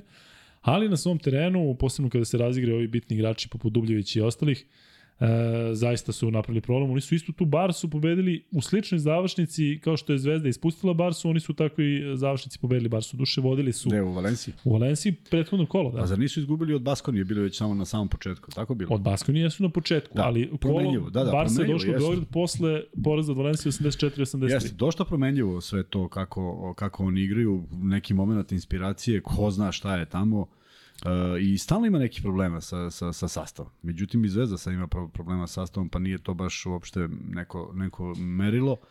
Ali Prepelić i, i Dubljević su zaista ljudi koji godinama igraju tu i ovaj dečko koliko neke stvari ne radi uopšte u košarci toliko ima taj, taj bogom dan šut neverovatno. Dakle, iz kojih on pozicija, sa kojim samopouzdanjem on može da šutira i to stvarno izgleda neverovatno. Tako da e, e, Valencija sigurno nije outsider na svom terenu, ali Sa ovakvom zvezdom na bekovskim pozicijama potencijalno, ja mislim da će čak i kladionice prednost dati Valenciji. To da će sigurno, ali to- mačko rep, da li su verovatno i uživo za Olimpijakos, pa je moglo da ne bude. Prema tome, e, opet će zavisiti od neke taktike, strategije i, i ono što sada, evo sad vraćamo opet ono na neku obstrukciju igre. Da. da nešto što ćeš morati da radiš jer nemaš čime da odgovoriš. U Nedović će biti uprte sve oči, verovatno će on biti najbolje čuvan. A, zato je preko potrebno da Bentil nešto uradi da odvuče ljude na sebe, da to bude neka, neka da Dobrić bude u dobroj šutarskoj formi, da njih dvojici igraju u paru, onda ko je na playmakeru nije mnogo bitno ako njih dvojici šut ide, da defanzivno pokrpe sve kao što jesu, kao što je protiv Barcelone bila ozbiljno jaka i dobra utakmica, tvrda, sa istim takvim stavom da izađu. To je to, nema tu sad mnogo filozofija. Mislim da ni Ivanović ne pravi mnogo razlike između bilo koje utakmice. Rekao si da će sve oči biti uprte u Nemanju Nedovića, hoće i ne samo zbog toga što je to mm, jednostavno tako, već on je bivši igrač Valencije i on je odigrao tamo jednu sezonu kad se vratio iz NBA lige i posle toga, to malo sad ko pamti, ali on je igrao za Unikahu posle Valencije i kada je dolazio sa Unikahom u Valenciju, igrali su čak i finale Eurokupa, ako se ne varam, E, on je ozbiljno navukao gnev na sebe navijača zbog nekog koškanja, zbog nekog faula. I čak se i sukobio sa bivšim, bivšim e, saigračima. Tako da mislim da Valencijini navijači jesu ti koji to pamte. Tako da će ga sigurno dočekati ovaj onako na nož, iako je njihov bivši igrač. E, e sada ne mogu da se setim da li on verovatno sa Panatinikusom pre dve sezone već kada da je i gostovao već u Valenciji, ali svejedno uh, biće to zanimljiva utakmica za njega, biće zanimljiva utakmica kao što si pomenuo Dubljević i Prepelić, verovatno oni imaju poseban motiv kada igraju protiv timova iz regiona. Moguće, moguće, ne znam. Mislim, znaju da odigraju stvarno utakmice Jeste. van serijski, znaju da budu neprimetni, ali uh, što kažeš uvek negde imaju ovaj taj dodatni dodatni motiv. Valjda se bolje razumeju, pa se malo Tako je. peckaju više. E, jesi igrao protiv Mumbra? Sećaš li ga se uopšte? Trener Valencije, Alex Mumbra. Da, kako se neće. Jesi igrao protiv njega, jesi? Nisam. Ne, a? Možda si ga nisi zapamtio. Nisam, nisam siguran. Tu ste vi negde po godinama, mislim da On ste... igra za Valenciju, nisam igrao protiv Valencije. Ne, igrao bre u koliko hoćeš španskih klubova. Pa vrlo malo španskih kluba. Igrali smo protiv Reala i Barcelone, tada, to je Euroliga. Pa da li, Mumbro ti je igrao, sad ćemo da imamo. Ajde vidi da igra. Igrao je Mumbru u Realu i to u nekoliko navrata, sećam se da je bio u Realu od 2002. do 2004. i od 2006. do 2009. To je već bilo kasno za, za budućnost, tako. Nisi ga zakačio. On je bio u. Juventu do 97. do 2002. Pa onda u Realu od 2002. do 2004. i onda dalje. 2002. do 2004. Da, u Realu. Već sam otišao. Da. A viš kako sam rekao, kako sam te pohvalio da ste slično godište, pazi on je 79. A ti izgledaš Izgleda onako, stariji. e, podmlađeniji od njega. Kako ne? E, pitaju ovdje kako zaustaviti Dubljevića. E, eto, igračka koji je e, taj tip jednostavno da zaista može da da trojku, da igra pametno, da može Evo da ga. napadne leđima i sve. Pa Evo ga da Lazarević, evo ga Lazarević ponovo. Dok se ne potroši. Evo ga. Na 0-0, obojica nek imaju 0 i cepe. Kao što su imali obojica 0 u prvom polovremenu protiv Barcelona. A koga bi, koga bi stavio da čuva Dubljevića? Lazarević. Kuzma uneo bi ga... Uneo bi ga, ali igra iz polja. Znači to se rotira i preuzima se kad on igra gore, kad igra dole. Riziko, A dole? Dole ko je u, ko je u, u Jel bi ti bilo draže da je. Petrušev, da je Bentil, Petrušev, preuzme? Petrušev, Kuzmić. Nek šotira Dubljević preko Kuzmića. Da li Kuzmić neće igrati realno više 3 minuta? Ono, ono što ima. Ono Da. što ima. I, I Mirotić je čovjek koji igra fantastično leđima, tako? I nije mu Jeste. teško da unese nekoga. Pa nije unosio. Ili ako je unosio, nije bilo lako. Slažem se ja Dubljević drugačiji, pa ima i težinu, i, ali to neke zamisli mogu da budu. Ili ako je Dubljević ostao gore, Lazarević ostaje na njim blizu. Ako je Dubljević dole da nekako izrotiraju pa da, ovaj, da uzmu. Sve zavisi od neke kretnje. Ne može baš da se pokrije sve, ali nešto može da se rizikuje. Međutim, koliko je, evo, ajde pogledamo baš Dubljeviću kako mu idu trojke ove godine. Što ne E. znači ništa, on može šutne na toj utakmici. Možeš to da pronađeš sam, možeš. Naću, naću sam, da. Da, pitali ste me šta prenosim ovde za, za četvrtak i za petak. Reći vam sada, sutra znam da prenosim onog Australijanca u pola deset ujutru. A što se tiče Euroligije, e, ja ne volim da gledam te planove previše unapred, ali ih dobijam unapred. E, ali evo, kaže ovako, Žalgiri Svene Bače u četvrtak u 7, što znači da ću moći mirno da gledam Partizan. I onda u petak prenosim u 8 Olimpijakos Armani, što ne bi trebalo, što bi moglo da bude prilično dobar meč, ali onda ću kasniti da odgledam odnosno Zvezda će, Zvezda će početi pola sata kasnije, tako da ću Zvezdu morati da gledam onako usput u pauzama i istiću naravno na, na kraj Zvezde. E sada, e, šta, Ozbiljan procenat za 3, 45,6. pa eto, Pa znači, ako će igrati iz polja, rekao bih, što vratno nema gde da se vidi, ali rekao bih da on mnogo bolji procent šuta za tri ima kod kuće nego na stranu. moguće. Zato će možda igrati i više napolju. Zato niži igrač. E, je li ima po nečemu da su te ovi, da si primetio, evo ajde tako da kažem, da si primetio nekog od ovih Amerikanaca Valencijanih u smislu tamo igraju Harper, on je u Beogradu odigrao play dobro protiv Partizana, onda imaš Aleksandara i imaš e, ovog Weba, ali ja moram priznati da meni ni, da volim te timove Euroligi gde imaš Amerikance, opet oni nisu u prvom planu zato što jednostavno ima oni koji su, koji su tu bolji. To dobro za ekipu? Da, generalno? da. Jeste, to znači da su pogodili da su to igrači koji ne Da. igraju samo za sebe, nego su deo ekipe. I Lloyd je recimo kad je bio u, u Valenciji, on se izdvojio kao ipak neko kome ide lopta recimo na kraju.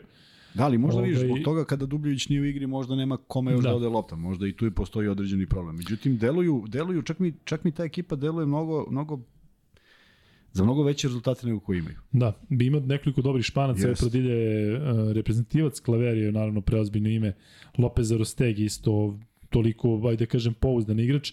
Imao Kubanca Rivera, o njemu je li imaš nešto Kuzma, on onako Ne. deluje prilično sirovo. Da, ali nije, S onom frizurom. Da, da, deluje naopako. Prenosio sam Kuba Amerika, recimo prošle godine na Fibin prozor i onda je razvalio Amerikanci, tipa imao je 13 od 14 u jednom trenutku iz iz igre duše, to je bila prilično skromna američka reprezentacija. Znam da sam tu prvi put obratio pažnju na njega. E, Bug Grbić pita, e, Luka, pitanje za bojicu, da li vam se smučila košarka na neko vreme? Ti se smučila nekad košarka? Ne.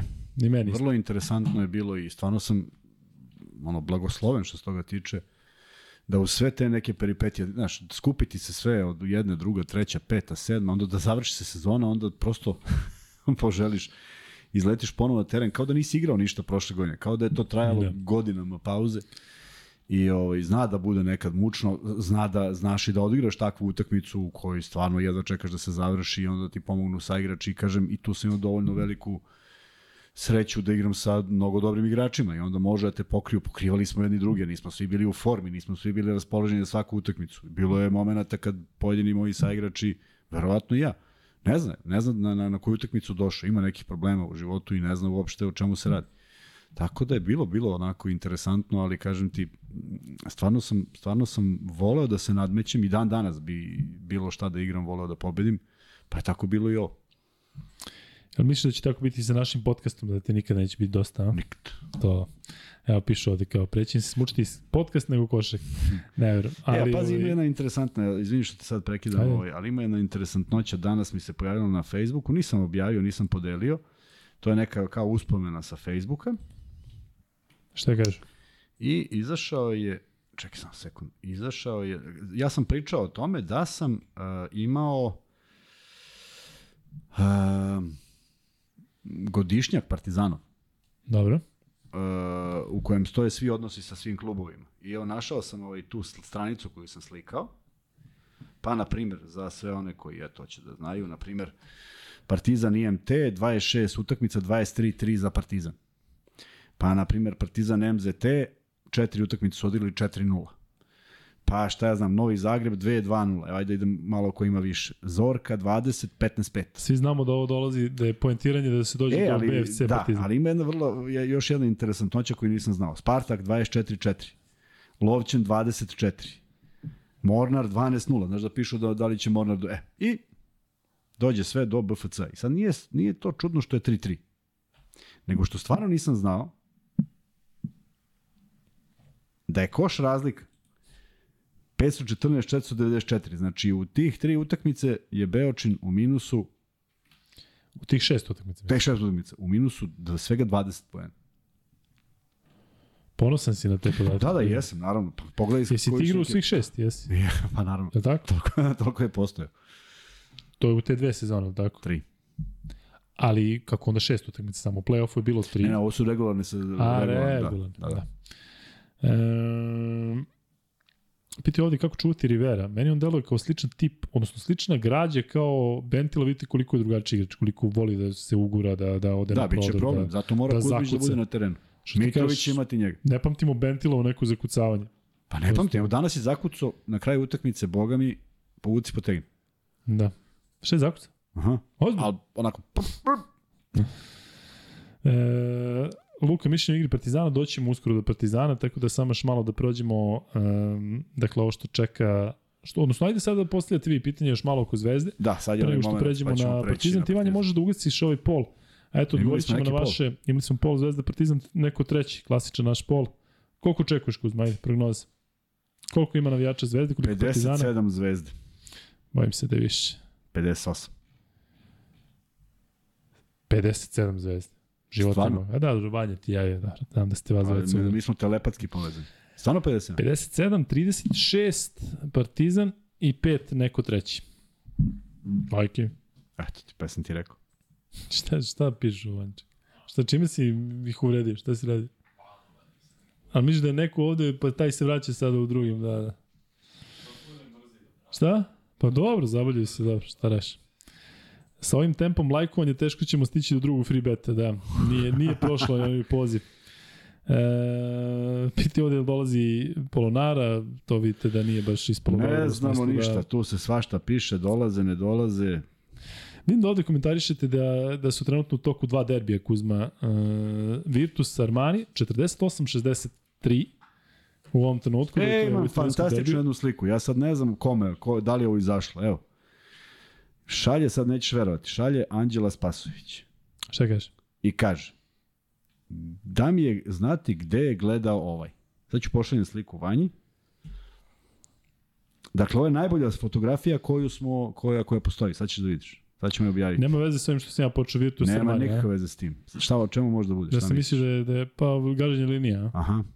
Da, je, vidiš da sam ja Evo, šaljem, telepatist. šaljem Vanji, ali nisam vidio ovu sliku. Pregledao sam sve što je bilo na netu, ovo nisam vidio. A verovatno Mogulkoč ispod koša, tako? Taj trener ili Ne znam, taj ne znam kako ili... se zovu. Je li sudija pored Mirotića ili onaj na, na čelnoj liniji? Ne, pored Mirotića. A pored Mirotića. Sad ćeš ga vidjeti, samo ne znam kako se zove. Ehm, da, Armani dakle vodi protiv Virtusa 63-50, a u derbiju ili klasiku Real Barcelona 44-42 na polovremenu. 26-28 prva četvrtina, 18-14 e, druga. A što se tiče statistike igrača, vidim da ste pričali da ovde Teodosić kida. Musa igra dobro i dao je 9 pojena za sada, Kalina 7 pojena, 5 Kako igra skokova. Hezonja, niko se sabere, a? E, sve manje čini mi se da igra. Neko u prošlom podcastu komentarisao kako, da, Evo ga, vidiš. pa ne vidim baš. Šta ne vidiš? Pa ne, gde gleda sudija ovaj? Gde gleda sudija? Pa da, ne vidim, nije dobro, nije čista slika. Možda je čistija kod tebe na telefonu. Pa dobro, zato što je, ali kako gde gleda? Vidiš gde mu je noga? Vidim da je noga, nego ne vidim da li sudija gleda u tom pravcu ili gleda negde levo, zašto Pa. mi se ne vidi glava. Ne, verovatno ne gleda u tom pravcu jer bi dunuo, ali zašto ne gleda? Ovde su pisali da je prvi red komentarisao ovaj, e, da je prvi red e, signalizirao da je Nimirotić nagazio liniju. Ne mora signalizira, on iz ove pozicije, može da gleda samo to. Nema šta drugo da gleda. On, on, Ali tru- pazi, sudije znaju da će se praviti faul. Imaju neki osjećaj. Dobro. Sigurno. Pa verovatno su se koncentrisali na kontakt. Daleko od toga da ja branim sudije, ali onaj tamo Mogulkoč, za kog sam rekao dan ranije da će biti problema I on treba da vidi Pa valjda nje, on, on ima valjda liniju, liniju šta, Eno on ne može da gleda kontakt u dan, jer ima četiri igrača Eno ga ispred sebe. tamo, on može da gleda. Eto, pa on treba i tačno na liniji. Pogledaj njega. Pazi njegov stav. Dakle, to nije stav, ovo se bar kreće, ovo je nešto, ja bi se ih stavio da Pa to pogledam. je jedino, jedino što je Lazarević... čovjek u gledaj, Mirnu, ono vrsta jedino što je raz- Lazarević, jedino što je Lazarević između sudije i Mi- Mirotića. Vidiš da je Lazarević. Na vidim, ali on je trebalo svejedno da... da, da, da Svakako nije. Eto, Prvo hvala da Anđela na ovoj slici, tako. nismo imali. Da, ali zanimljiva fotka definitivno Da. da. screenshot neki koji eto pokazuje manjkavost evroligaških sudija. Šta drugo reći. E,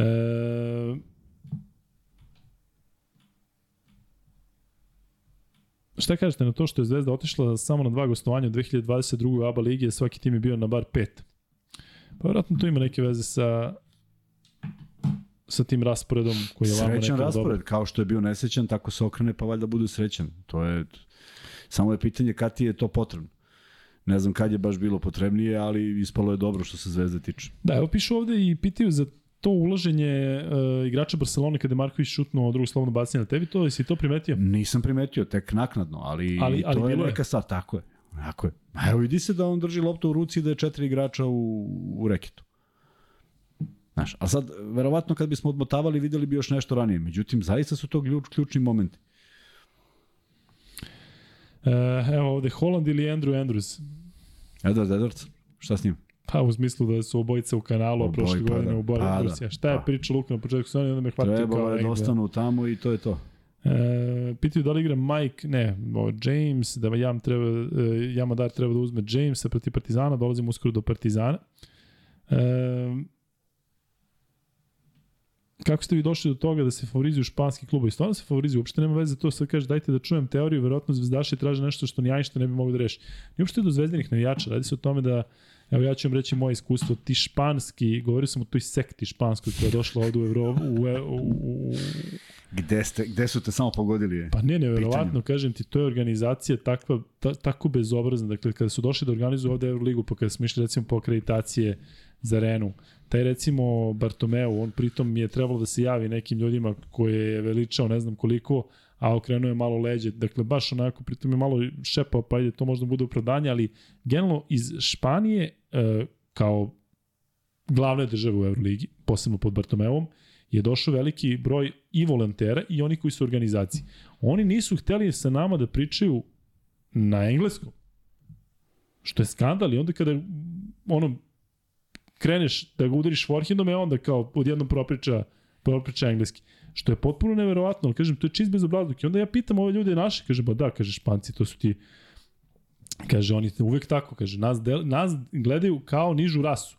A bukvalno, a ja pritom sam tu imao akreditaciju za ulazak u dvoranu i imao sam, uh, radio sam u organizaciji ovog Adidas turnira, radio kao speaker u dvorani, na kraju bio i onaj na, na što proziva pobednike, ali na samom terenu, ali uh, prosto mi je neverovatno takav odvratan stav.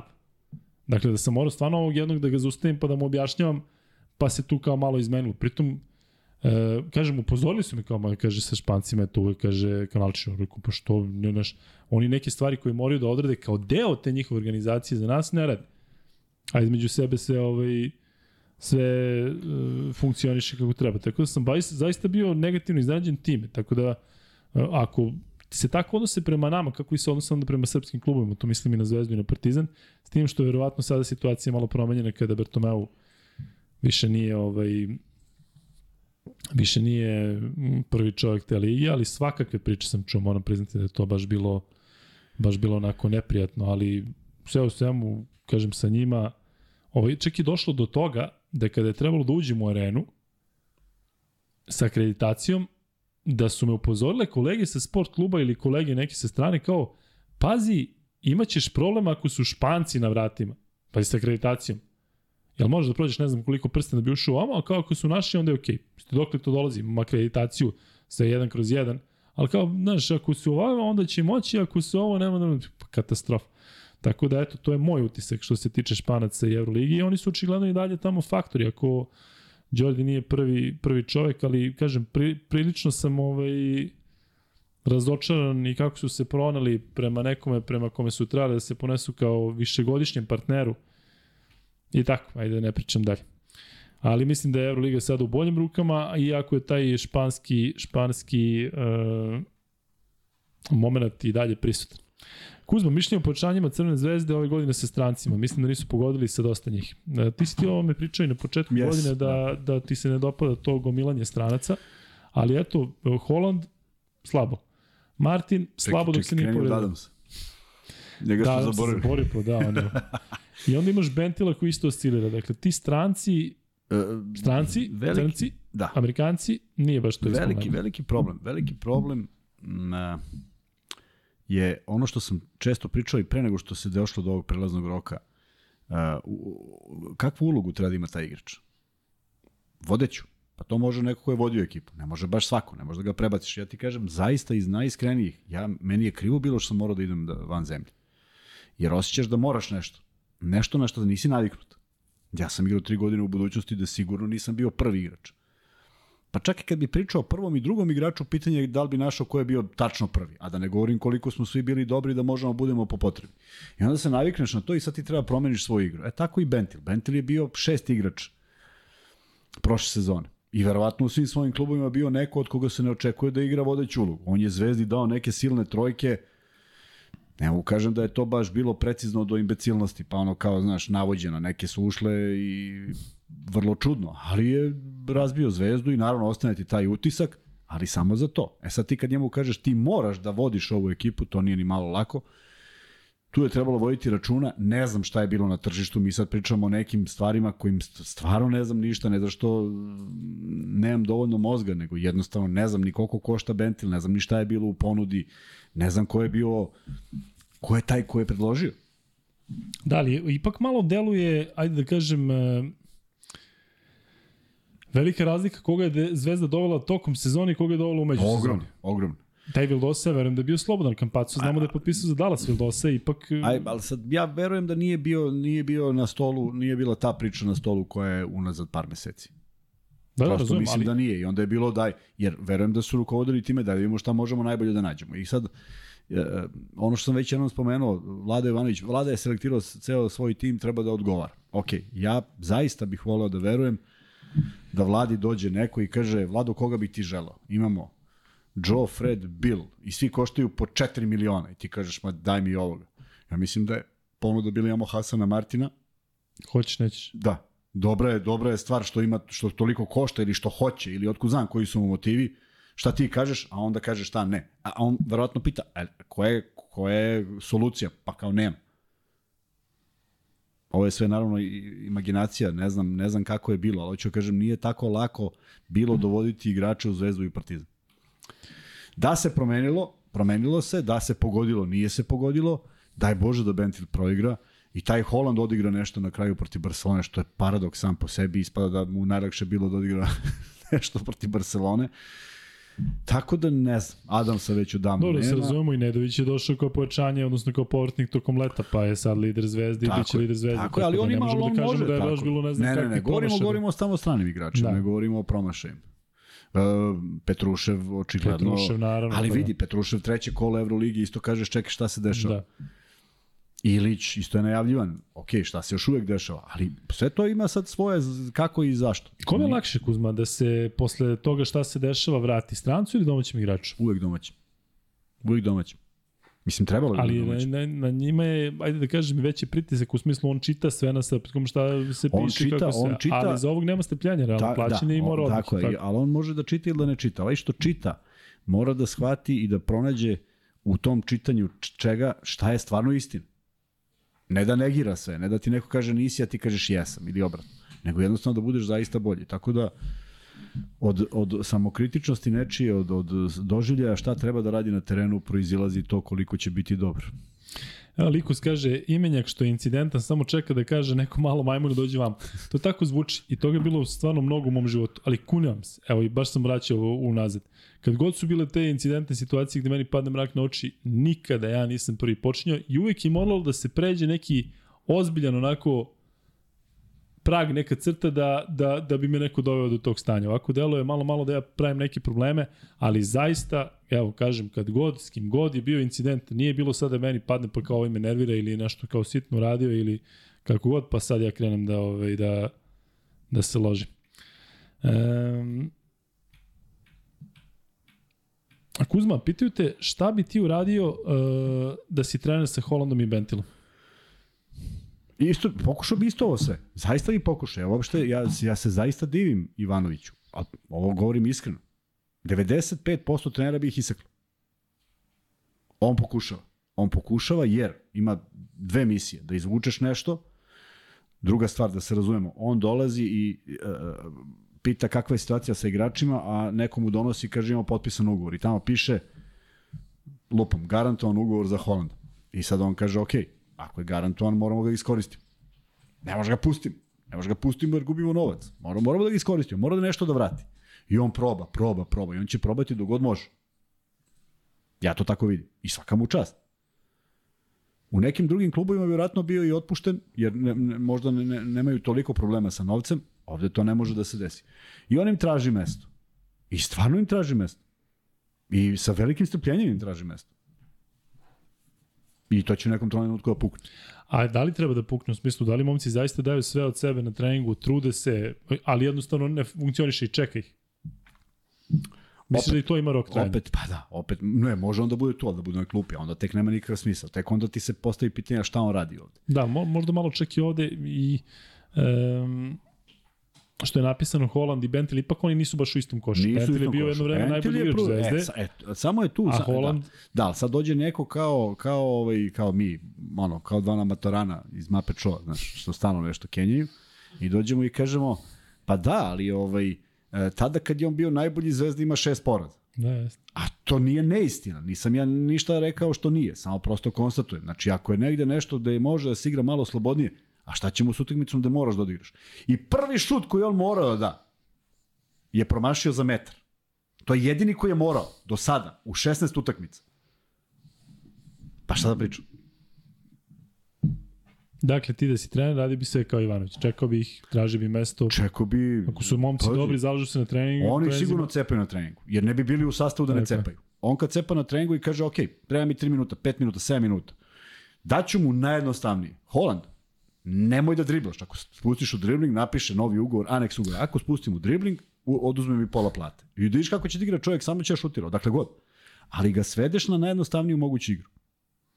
I on će možda nešto i da da. I stvarno pogodi onih 7 poena protiv Barcelona. A jesi imao saigrače koji su na treningu bili potpuno drugačiji nego na utakmici? E, da.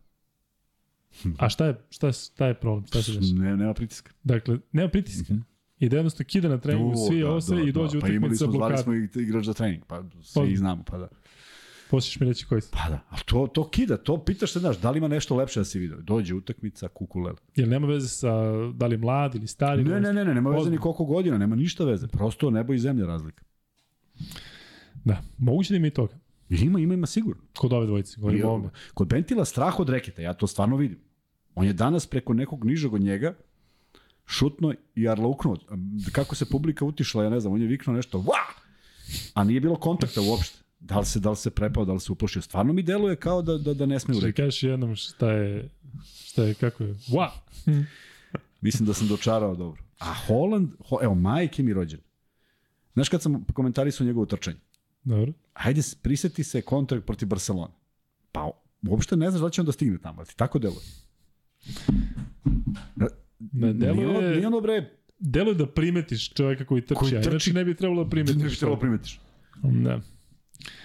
E, na BD2 informacije da, bi, da Zvezda do daljeg neće moći registrovati kampaca ne navode razlog. Pa to je sad vrlo interesantno. I to je sad neko objavio, ne navode razlog. Da. Mislim, ajde neko da nam navede razlog. Luka, koga manje gotivi Španci ili Džamala Mare? Vidite, da ja te kada tako kritikujem i kada možda deluje da padam u vatru, to je zaista zato što želim sve najbolje. Najbolje želim Madaru i Partizanu, ali me plaši. Najbolje želim Denveru, ali mislim da će Mari biti problem. Najbolje želim srpskim klubovima, ali mislim da će Španci i dalje da prave problem. I zbog toga samo radim. Ali posle neće biti, ako se desi nešto, ja da kažem, eto, vidite kako smo rekli, to zaista ne želim, nego pokušavam da upozorim. Ajde da kažem, tako da nema nikakve gotim, ne gotim, nego jednostavno Samo iznosim svoje mišljenje sada kada mislim da možda ima smisla da ovaj da u nekim situacijama se možda ne dignu neke lestvice auto Denver je prvi, pričat ćemo posle. E, ne znam da li bi neko od vas smeo da stavi Denver je prvi u, za, u zapadnoj konferenciji.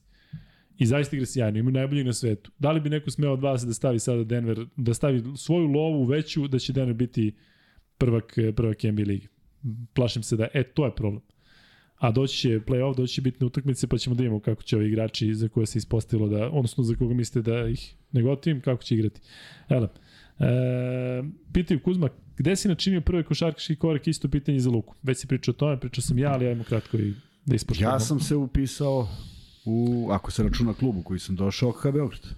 Ja sam bio mlađi junior te 88. A ti si počeo baš kasno nešto, 16 17 godina. Do tada si igrao futbol, tako? Do tada sam igrao futbol. Ne baš do tada, igrao sam futbol do neke 14. 15. Gde si igrao futbol, na kojoj poziciji? Centar for sam bio. A jel ti je, recimo, ovo moja rođaka, Jonas Pasovski, pa mi njen tata priča koliko je značilo da iz futbola pređu u košarku zbog nekih kretnji svega. O, da, to je bilo sve izuzetno lako. Pa sva motorika je, je na ovome. E, ja sam počeo u školi Košake Tadić u trećem razredu, trenirao sam do tada karate i onda je došao Tadija izvesni da, da podeli ove letke i rekao mi je dođe, ja sam rekao neću. I onda su drugari svi otišli, ja sam otišao i dao neki koš i mi rekao ostaješ, ja sam ostao. Posle toga je Tadić postao radnički cip, trenirao sam na Savskom vencu u mojoj osnovnoj školi Vojvoda Mišić. Bili smo prvaci i Beograda, i Srbije, i Jugoslavije, pobeđivali smo sa neke sa 100 i 200 razlike, ali zaista, čak pričao sam o tome da je Koš pisao kako smo pobedili nekoga 111-3 ili 113-1, neko nešto neverovatno. I onda smo recimo posle 2-3 godine smo izgubili od Zvezdare, smo izgubili meč, nešto je bilo 1 za 1, pa neki promaš je bio. I onda je bilo, to je bilo u košarkaškim krugima, to je bilo kao, ej, kao, Tadić izgubio, kao ono, neverovatno. A pritom smo, kažem, dobili stvarno po, po 80 i 100 razlike bila je neverovatna ta, ta, taj nivo koliko je bio drugačiji, ali dobro. E, da li bio drugi free bet? Nije, nismo došli do 500 lajkova, ali mogli bi sada da ispucamo free bet. Šta kažeš Kuzma? Ispuci. E, pošto možemo da se sa free betovima šalimo, pokušamo neko da pronađemo način da baš zaista ovi, i vidim da se neko žalio da naš drug Ilija i naš drug Vuk da nabiju stalno free betove, Da li zbog interneta, da li zbog čega god, ne znamo, ali, ali pokušamo nekako da ispovezujemo tako da ne mogu da odreaguju. I zato ćemo sada da vidimo, vi koji pratite naš podcast, da možda možete brže da odreagujete, a pitanje je sledeće. Kako se zove i preziva i ima nadimak Kuzmin Sajgrač, koji je bio u centru pažnje nakon našeg podcasta zato što je od Kuzme dobio prvu asistenciju za prvi koš, Igrao je za OKK Beograd, bio visok, dva, visok i dalje 2.04, ima smisla za humo neviđeni. Nešto, porasto je nešto danje vreme. Da, i ovaj, kako se ime, prezime, nadimak i ko prvi odgovori, e, dobit će e, taj drugi free bet da imamo koliko pratite. Treći free bet će biti u vezi Partizana i uskoro krećemo da pričamo o Partizanu. E, da, evo vidimo ovde da se žalite što ne prelazimo na Partizana, ali eto vidite da smo se raspričali Generalno. Ajmo na Partizan. Kaže, nemoj Jamala Luka, on mi u bablu kupio. Veruj mi, te bable je najveći problem, pošto se videlo da on može da da 50 plus, seća se onog sa Mitchellom i od tada svi znamo da može da da 50 plus, ali ne treba da juri 50 poena. Treba da bude timski igrač kad igraš sa, sa onakvim carem. I Luti Nikolić, Geđa. Nikola Beljkaš kaže Milutin Nikolić Džangir. Kuzma, je to tačno? Potvrdi? Hm? Milutin Nikolić Džangir. Džangir, da. Milutin Nikolić. Da. Nikola koji često zna i sam da postavi free bet pitanje, eto sada dobio max bet, tako da Nikola, veliki pozdrav za tebe, veliki pozdrav za sve one koji prate iz e, Crne Gore. E, vreme je da pređemo na Partizan. Ali ajde samo umeđu vremenu da kažemo ne, da je sad Mega... Ne, znali smo ga. Da, taman, taman smo hteli sad. E, Kuzma Mega izgubila danas od CDVite, Mega igra loše ove sezone, CDVite je dobila dul u Beogradu. E, ne bih rekao da je to neko veliko iznenađenje, čini mi se da Mega gura mlade igrače, ono što sam ja rekao za Split, dakle, guraš mlade igrače na računu stranacama, da i tamo ima stranaca, ali eto, priča se o Đurišiću da će biti u prvoj rundi drafta. Je li ima to tebi smisla, sve što se dešava? Mm, ne. Ne baš, a? Ne. CDV-tu, kako komentariš u smislu, da li bi mogli, ja mislim ako da je, formu, ja mislim da... da je Mega strašno dobro igrala kad je imala miks bivših matorih tipa Varda kad je bio u Megi. Pa kad uzme onako, kad ne može da stigne sve svoje saigrače, pa ih šopa u svakom bloku i onda naučiš mnogo brže nego kad igraš ovaj, na treningu protiv svojih vršnjaka. Mislim da je to bio kvalitetan pristup. Ovako kad ima mlađarija, nekako mi se čini da sporije idu napred. Pa je u tome samo razlika. Evo Gagi imaš- Milosavljević još nije tu kao najiskusniji da. prešao Igu Kev. Imaš molbu jednu. Kuzma, može pozdrav za mog tatu Bobana, molim te, on te obožava, danas mu je rođendan. Naravno da može. Bobane, srećan rođendan, Bobane. Eto. E, e, ovo je zanimljivo. Travis Bickley kaže, zašto ne koristite random number generator za free bet? Banja, je li to neki sistem ili nešto ili Šta je to? Kako, kako se zove? random number generator? Pa da, Generator. to smo trebali da, da koristimo. Ne, ali ozbiljno, možemo tako, dva svi koji odgovore tačno, pa ono, Kuzma, pa može to ovo, Kuzma ovako uredi ili ja i ono, I bop, imamo kuglici. znaš. To random Pa generate? da, ali da, li, da, da stvarno možemo da promenimo da ne mora da bude prvi? Nego Nego bilo ko. odgovori njih 20, Na kraju izlačimo broje. pa dobro, to ne... A onda kažu, znali ste da će biti 111. Da, da, kao. Viš kako je on dobio dva puta Vanja je namestio za 111. Znaš si dva puta za redom bude neki i, i, i padne nam u vodu. Da, bit će do, zanimljiva ideja. Ajde, gledat ćemo da se pozabavimo time. Ja hoću da se zahvalim još jednom našim drugarima iz Max Beta koji su carevi, koji će biti sa nama i u 2023. godini koja je tek počela, tako da imaćete free betove u svakom podcastu, a podcasta će biti ponedljak, četvrtak, petak, kada Partizan i Zvezda igraju kao sada četvrtak, petak, pa ćemo imati verovatno i onaj specijal tokom svetskog prvenstva, tako radit ćemo 12 dana radi, ako smo mogli evropsko da radimo Možemo 20 dobre, možemo i ovo. 12 dana lepo do Ma šta 12? Srbija do 15? zlata. 14. Kao pa, pre i posle. I radit ćemo svaki Kad dan ja i? Vanja kad bude NBA playoff, tako? tako?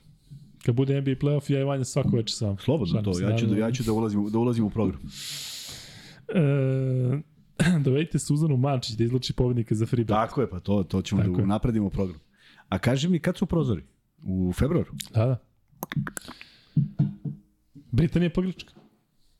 Britanija pa Grčka. Možda jedan free bet za pobednika nedelje u fantaziju. I to je zanimljivo. E, imaćemo nešto Ali na kraju za, ne kladi, imaćemo, je- imaćemo na kraju za fantasy ovaj, nagrade. To Da, da, smo, da. Samo nismo još odlučili ko je. Dve stvari u u vezi fr, fantazije. Prvo, sigurno će biti nagrade i bit će lepe nagrade na kraju sezone. I drugo, ja ću uskoro da napravim NBA tim. Kuzma, jesi mi čuo? Vidio sam tamo u našem opisu, kada sam tražio opisu da vidim za ove humanitarne akcije, e, vidio sam da ima način kako da stvarno, stvarno uđem, skinem aplikaciju, uđem na, na kod, napravim NBA tim i imamo Luka Kuzma NBA tim. Nije, nije neki posao, ne znam kako. Pa kasnimo 4000 bodova. Pa šta? Pa kako ćemo nadoknaditi? Pa za, ima da izberemo onaj najbolji. A i to što kažeš. A ćeš ti to u reći? Pa jok, nego ti ćeš. Tamo je Debrira Shadow. Slobodno, gledao sam e, slobodno, možeš i bez mene. Evo ga. E, E, da kažem da imamo TikTok. Da, to si im poslao, sam mislim da se šališ. Ne šalim se. Naime, ovako, Daj, nema me. TikTokeri smo poslali. poslali smo TikTokeri, ali cela fora je u tome što je nama jedan naš drug, a zove se Aca Pantić, koji živi u Americi i trenutno ima neku pauzu, rekao da li bi nama smetalo da on to napravi. I on to pravi i ubacuje na videoklipove. I izgleda genijalno. I izbacuje video u nešto što mi izbacimo, pa on stavi. Ne, on seče. On seče. Aha. Ozbiljno. Da. I sad smo TikTokeri, ti. Da. Da vidim kako to izgleda. Pa ne znam, ne znam da, da uđem u to. Pa onda nismo TikTokeri. Jesmo, jesmo, ali ne znam kako ja da uđem. A? O, sad instaliram aplikaciju, pa nisam lud. Ček, sad ću ti nađem da im negde. I sad on E, secka i i Aca izbacuje to. Pantić, Aca Pantić, pozdravljamo ga i zahvaljit ćemo, Hvala puno, zahvaljujemo Aco. se ovom prilikom. Što smo TikTokeri. TikTokeri smo postali. Imamo 18,8 hiljada lajksa A koliko imamo od i pratilaca? 995 follower. Već imamo 995. Jeste. A imaš četiri štimca, imaš tebe stranci u reprezentaciji i ima sedam šarenaca. Carski, pa ništa. La, Panto, ti seckaj, a kako ljudi mogu da se na to... TikTok Luka i Kuz, sa, pod, podcast sa Lukom i Kuzom. Znači, Stavio sam, ja, stavio sam ja u opis podcasta. Ali šta sad, evo ja sam TikToker i imam TikTok i treba da ukucam šta? Luka i Kuzma. Ako Moraš da download TikTok. I onda downloadam i, I onda nađeš Luka i podcast sa Kuzma. Lukom i Kuzom. Znači, podcast sa Lukom i Kuzmom, tako se zovem. Da. Aca Pantić nam šalja fotografiju ovog trenutka što znači ja gleda. Evo ga. Evo ga, da. Bravo, Pant. Evo, sad je poslao. Hvala Pantu. Rekao sam jednom drugaru da me ubije ako ikada budem na TikToku. Pa to kažem, da, nismo mi, ne bude nismo mi, četvrtak- Aca je. da, da. Ako me u četvrtak nema, ovaj, da znate Šta je, ali šalno stranu, Aca, hvala puno. Uh, Panto, hvala puno. E, Idemo sad na Partizan. I idemo na Partizan, evo pitaju ovde Luka Kuzma, iskreno mislim da se vidi veliki, veliki talent kod Tristana, mislite li isto, doćemo do Tristana i ovo njegove partije, zato što je zaista da. treba da se priči, pričamo njemu prvo. E, dobro, ovo je sad već za zvezdu. Luka mišljenje o Partizanu sad sa punim zdravim rostorom. Super, ali fali dalje play. Ja ma, mislim da Madar i Avramović ne mogu da izvuku zajedno uh, sezonno playu, da pomaže Exum. Ako Partizan želi u top 8, ako želi ABA ligu, tu je potreban još neko i jednostavno to sam mislio ranije, mislim i dalje. Videlo se danas nevjerovatna energija Avramovića.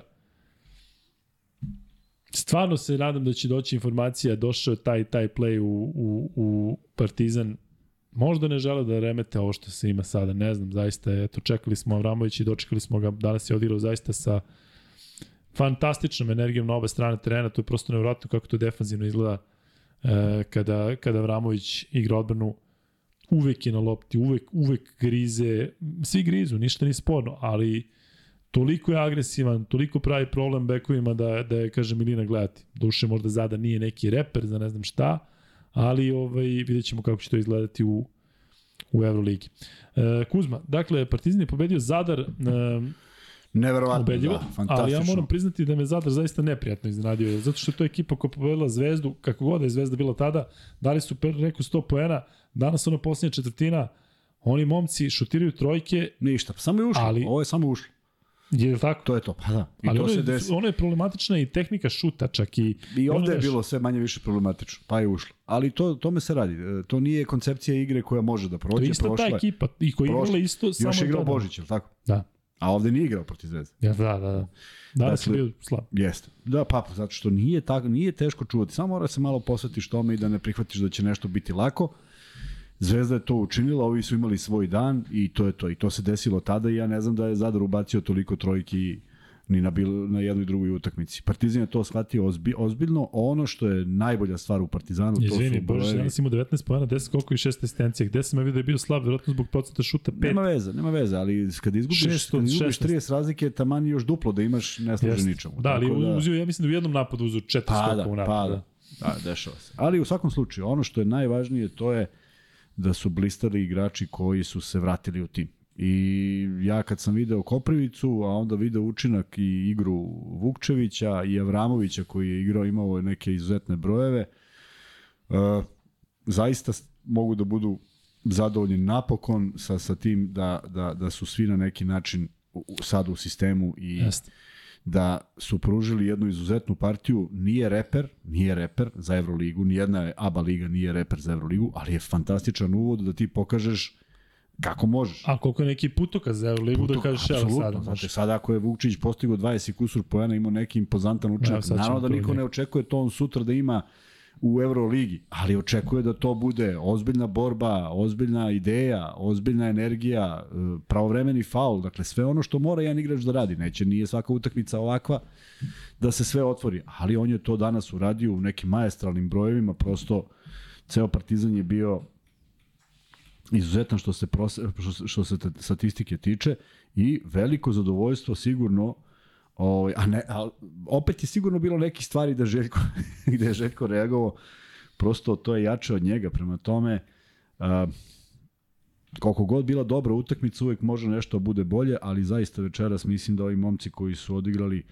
posle dugo vremena u suštini, o, da su odigrali zaista fantastično. Vučević je 25 pojena za 24 za 23,5 minuta. Avramović 16 da. za 20, Koprivic 14 za 18, Smajlagić 3. E, ali vidi sada, ovaj, ovaj tip igre, ovaj tip igre sa Koprivicom i uopšte kako se igralo, uopšte ne odgovara Zadru. I to je sve urađeno svesno sa idejom kako da oni poentiraju, međutim velika energija kojom se Koprivica vraća u igru, to je pokazatelj da je a, povreda prošlost, on i dalje nosi taj zavoj, ali mislim da nema više tu blokadu i da će igrati sve bolje. Tako da odlična stvar što su se odmorili igrači, što Lesor uopšte nije igrao, a ovi ostali koliko su morali. Da, Partizan je, ja mislim, od svih utakmica, od svih pobeda u ABA ligi najviše profitirao ovom pobedom. Jako je bilo možda tako, najlakše 114-77, ali sada ćemo ići pojedinačno po igračima. Hoću da se zahvalim Mati Miloviću koji je donirao, srećni par raznici momci, kaže Matija, srećni trebi M, e, svi praznici, naravno i svima koji god slave, šta god da slave. E, pa gde će Luka još jednog igrača tu, ti bih hteo defanzivnog Cartera Coopera, Cartera Coopera. E, ja bih bio dušen da DJ Cooper dođe u Partizan, to vam pričam stalno i sinoć imao 17 asistencija. Nezi ona igla kod kuće, dakle čovjek ima u proseku 17 asistencija, ali kao da tempera, to nije 19 pa 15, to je 17 svaka utakmica. I to su ozbiljni protivnici u, izraelskom prvenstvu, dakle tamo imaju ozbiljnih playmakera, tako da ništa nije spor, sporno. E, da je kao sla, slabija liga, pa ne znam šta. E, što se tiče igrača, da krenemo dakle od Vukčevića. Vukčević je danas odigrao, ja mislim, bolju partiju nego što su sve koje je do sada igrao u Partizanu. Ma sve kad je... Dakle, on je danas toliko dominirao i u šutu da. i u, i u 32 indeks korisnosti. Pritom, znaš kakve neke sitne detalje ljudi ne vide, recimo ona njegovo dodavanje iza leđa u kontri za Koprivicu, to je, baš se vidi da je kao da, da, da je neko, slučajno, znači ono, je skinuo, ono, da je, da je, da je odvrnuo čep i, i evo rekao, evo sad mali. Pritom ono kada si video kontra, kada on naskače na penal, pazi, ja razumijem kada play naskače 1-1, pa sad ti ovaj malo odmakao, ali on kada naskače mekano i čak je svojim onim pogotkom i završio utakmicu. Dakle, to je danas izgledalo sve toliko mekano da sam ja zaista oduševljen i da moram priznati da nisam verovao da Vukčević može da odigra jednu utakmicu ovakvu. Dakle, njegova e, da neće biti prostora da na jednoj utakmici on ima ovakvu statistiku, a ta statistika izgleda 25 poena, 9 skokova, 4 asistencije. Ne, već je dovoljno nevjerojatno, već je dovoljno nevjerojatno da ima 15 šuteva. Da, pritom 2 od 4 sa penala, dakle to je moglo da bude bolje, da, da bude možda još jače. To je najgori segment u šutu tako Partizana. Tako je, tako je. Tako da uh, Tristan je danas odigrao 10, fantastično. 7 od 10, 3 od 5. Dakle, nevjerojatno. 4 ofanzivna skoka, I četiri asistencije. I najviše, znam, najviše posle Papa Petru. Da li ste videli ove sezone neku, nekog igrača Partizana u bilo kom meču da je tako izdominirao kao Tristan danas? Imao je Sor one partije njegove ne, skokovi, bilo... ne znam šta, ali eto, da li se sećate Aleksa prošle godine naravno protiv Zvezde, prošle sezone, ali uh, ja ne pamtim da je neko tako razvalio, možda Panter u jednom, jednoj ili dve utakmice, ali da se toliko izdvojio, ali Panter je Panter, a Tristan je Tristan, tako da Zaista sve čestitke i nadamo se da će Tristan izgledati ovako. Evo za one koji su kritikovali Partizan kao da nema domaćih igrača koji doprinose. Tristan 25 poena, Vramović 16, Koprivica 14, onda sledeći četvrti strelac je Papa Petru sa 13, a toliko ima i Smajlević 13. Tako da eto, to su ti domaći igrači, e, oporili se Koprivica i Avramović, vidite kako to izgleda drugačije i što je Kuzma rekao, ovo je možda i najbolje zato što su neki mogli da se odmore. Panter srećem se nije ozbiljnije povredio odmorio je Lesor, tako Kuzma, da, dakle, da, ovo da, je... Da, sve se poklopilo, tako je. Ajmo Kuzma malo Avramoviću, ili imaš nešto da dodaš oko Tristana? Oko Tristana... Šta sad ovo znači za Euroligu, Kuzma? Uh, ne znači za ništa. njegov nastup u Euroligi. Pa, ne, to, to znači da sada, ne, to, to ne znači mnogo. Pokazuje da zna da igra. Pokazuje kakav talent ima, pokazuje mekoću u šutu, pokazuje sve. Ja očekujem sad 20 minuta ne, od njegove Euroligi? Ne, očekujem 5 ali drugačiji pet nego do sada. da tu, da tu bude svega. Skoka u napadu, šut kad si sam, rezon. Roze, rezona da bi ja želeo da ti ponovo budeš na parketu. I nije bitno da li će da pogodi. Bitno nije, je rezon. Samo je bitno da je rezon. Da. Da li će da pogodi, to ćeš da vežbaš. Kao što ove brojeve, svaka čast. Ja mislim da je on vrlo talentovan, ali 7 od 10 i 3 od 5, ne znam koliko se često na tom nivou pogađa. I igrač te visine i igrač te visine. Znači, da, 10 od 15 da si ubacio, nisam čuo da neko radi, a da nije neki bek Da, a pritom kažemo nije toliko prilazio košu danas, tako, uglavnom rešava više. Tome svaka čast, ali ovo, ovo kod njega u glavi ne sme znači da je sad to to. I da je to sad neko objašnjenje zašto Trista Vukčić do sad nije igrao. Zato što je njegova uloga sledeću utakmicu u Euroligi mora bude potpuno drugačija. Ovo je lepo izdanje i on mi je pokazao da može, ali ja mislim da je on u Partizanu da bi pokazao da može da igra više nivo. Ne u Partizanu da bi mogao da pokaže da igra Jadransku ligu. Iako, iako ne znam koliko ima ovakvih utakmica u karijeri.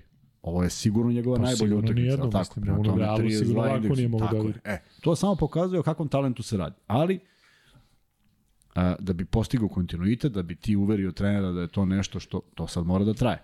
Naravno da ne može da traje, ne može da traje u minutaži, ne može da traje u uzetim šutevima, ali može da traje, da traje u jednom potpuno drugačijem pristupu, u manjem broju šuteva, sa istim rezonom, sa istom preciznošću, sa velikom energijom, sa negubitkom lopti, sa skokom koji evo pokazuje da može, devet skokova, kad imaš četiri u napadu znači da si dobro pozicioniran.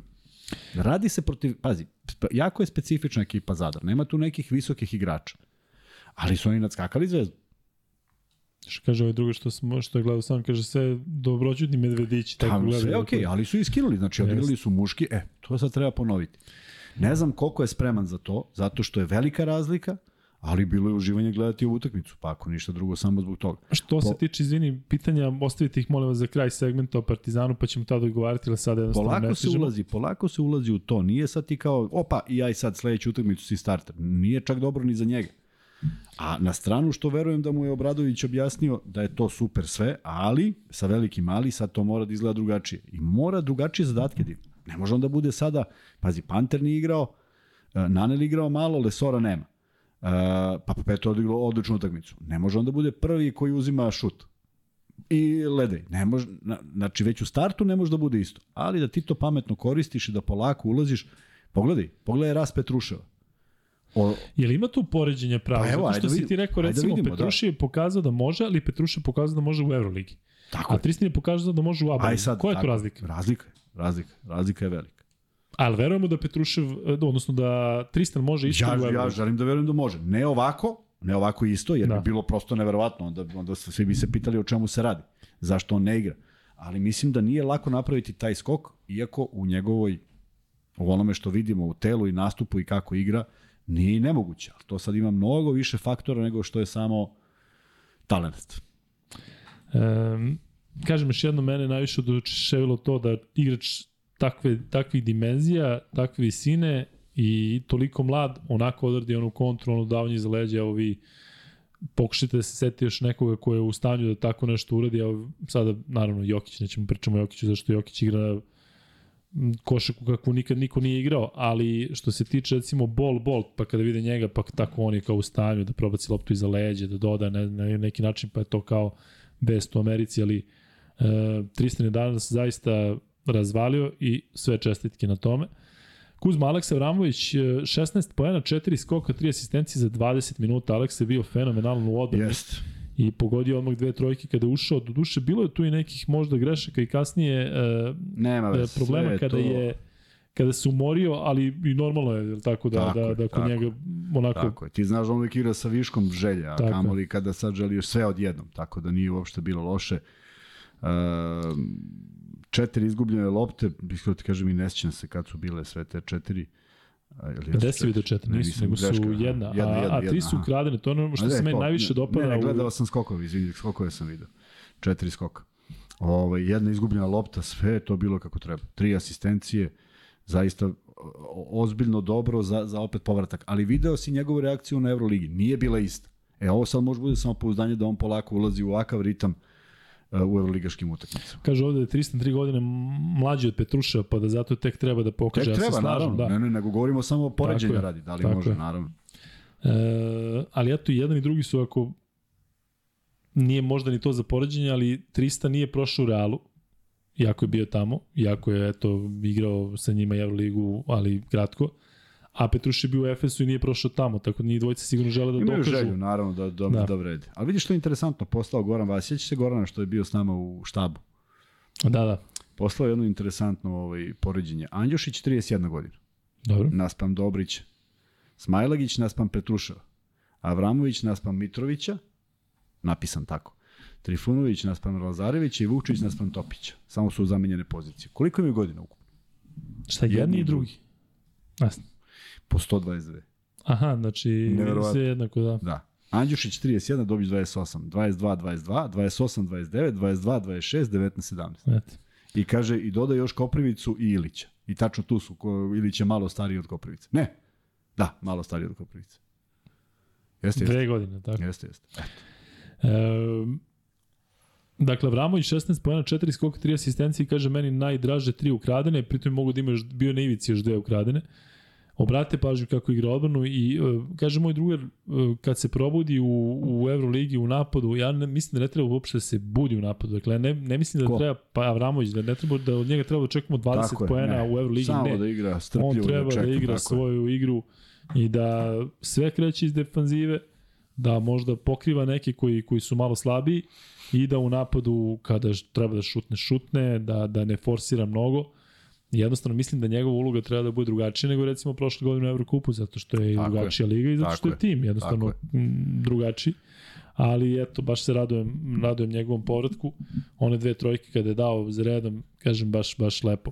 Znate koliko sam ja očekivao puno od Koprivice na početku sezoni, žao mi je što nikada nećemo saznati kako bi to izgledalo da nije povređen, ali danas je zaista bio sjajan, lepo se kretao, 7 od 8 šut za 2, 14 pojena, 7 skokova, mislim da od tih 7 uh, njegovih uh, poguđenih šuteva su jedno 5 bila za kucavanja barem. Jel tako Kuzma Koprivica i treba Da, da, da, da, bliže da, košu. ma Dali da. su mu jednom loptu da igra leđima, kada je isticao napad u, u trećoj četvrtini ili četvrtoj i ne ide to baš tako da mu ti daš loptu po ono 5 metara, Tako je, posebno sa u igračem sa niskim je, težištem. Tako je. Ali ovako da on isprati E, to je najveći i sve. problem, ali on ovde sve kad isprati na ovaj način igre, on prolazi jer je zaista mnogo niža ekipa. Međutim, i on ima fantastičnu ovu statistiku i reći bilo šta da nešto nije valjalo, apsolutno ne, ne pristaje. Naročito me raduje to što ima sedam skokova. I ta njegova agresivnost, njegova, njegova veličina i njegova želja mogu da budu ogroman doprinos da se rastereti Lesor, koji sigurno sada po prvi put ima nekoga ko može da ga zameni. 2 minuta, 2 minuta, 7, 7, 15, divno, što duže to bolje, ali mislim da, da, da Koprivica se probudio, da se uželeo košarke, da je verovatno i on poludeo što je imao ovakvu povredu i da jedva čeka da pokaže e, čak i više od onoga što je pokazivo do sada i mene to uopšte ne čudi. Da, mislim da je najbitnije za igrače Partizana da ostanu zdravi, posebno za ove... Jeste, sad ovo, samo da ove probije blokadu naše- sad ove, tako, Tako tako je, probije ovako. blokadu svega ovo. Da mislim da se poredi neko od ovih koji su već bili poređeni, ne, ne, ne, Pupu. Smajlag, pa znaš da. kog se pa muče, nema, pa Vramović, katastrofa. Koprivica. Pa to mentalno Mislim, odeš. Tako je.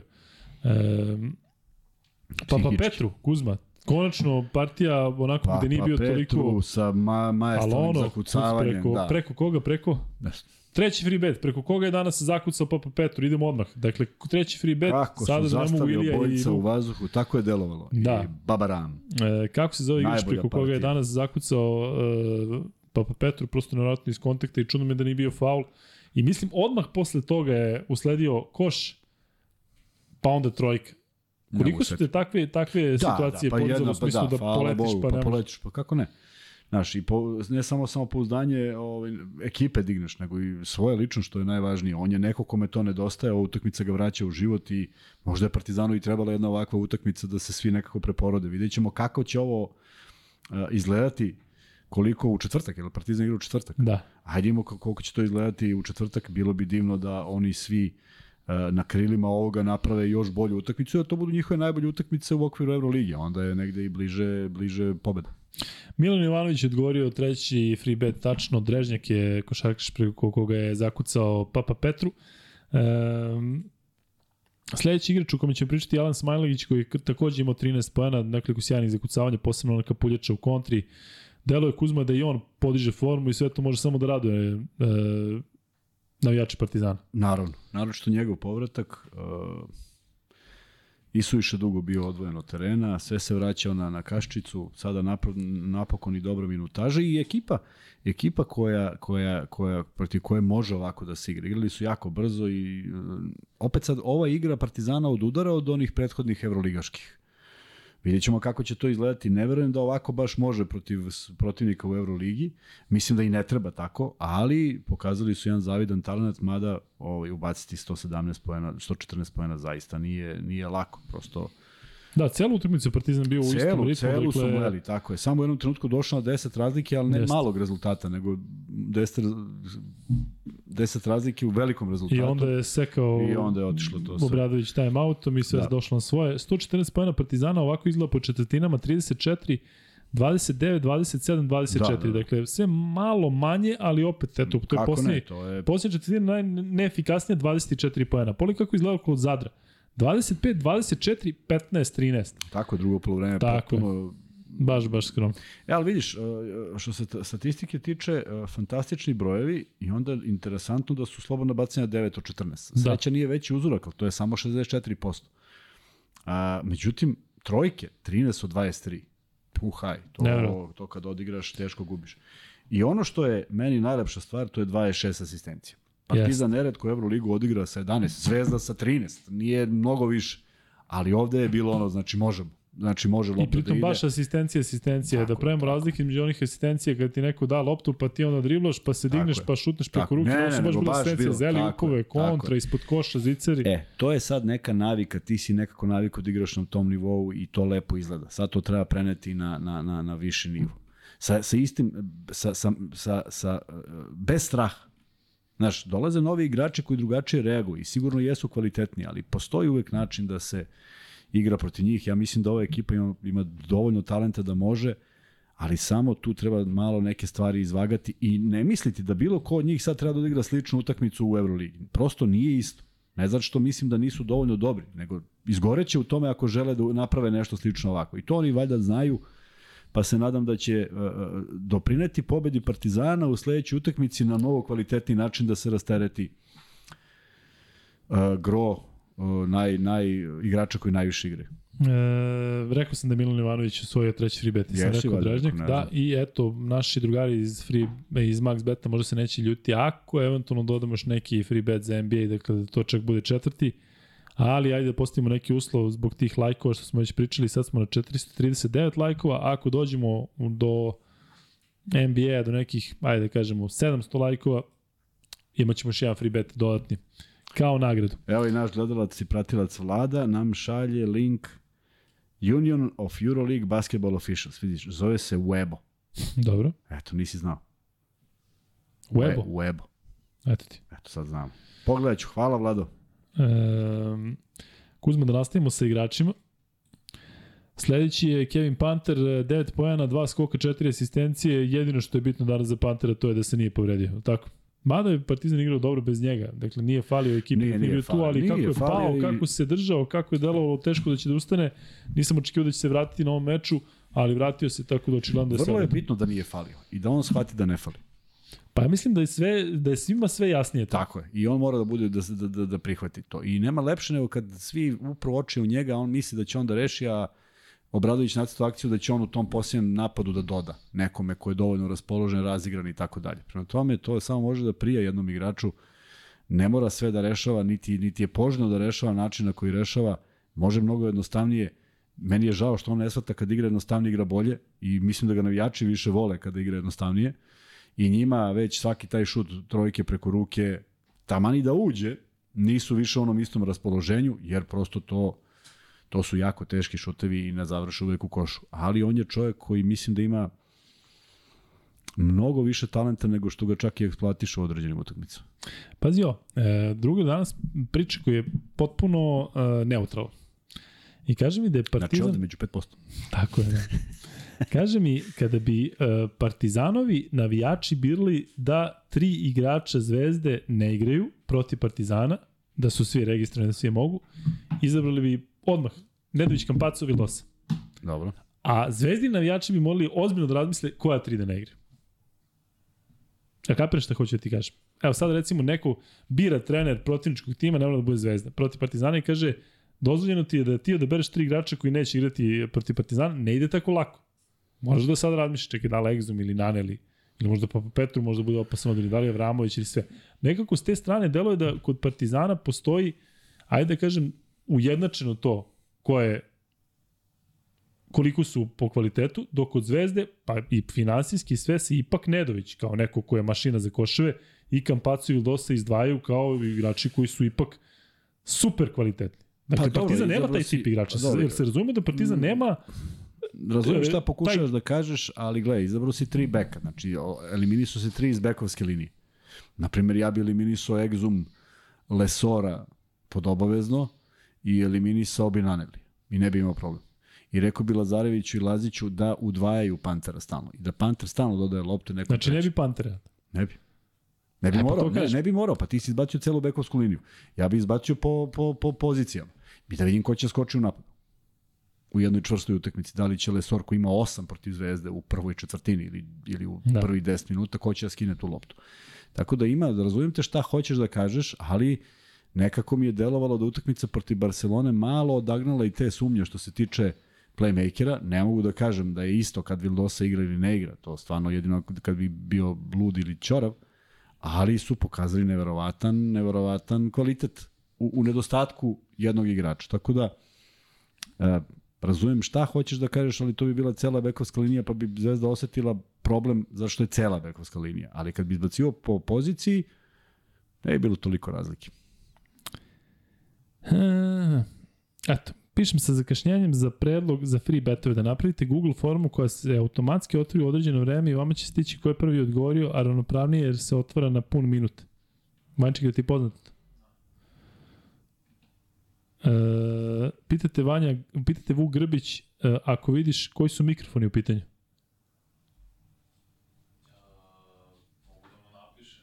Napisat će ti Vanček. E, Čujte se posle. da, Srati posle. Piši na Instagram Vanja. Vanja slash donji crta Vanček. Kako ide? Vanja 99 YRD na Instagramu. YRD. Dobro, na Instagramu. Zapratite Vanju. Baš da imamo kako će da sada odreaguju svi. Znači Vanja 99 YRD. Kako? Vanja neće? Vanja neće da vas prati. Uh, sad ćeš dobiješ Vanja ovde nove pred. O, Kako šta nam radi čovjek. Da. Aha.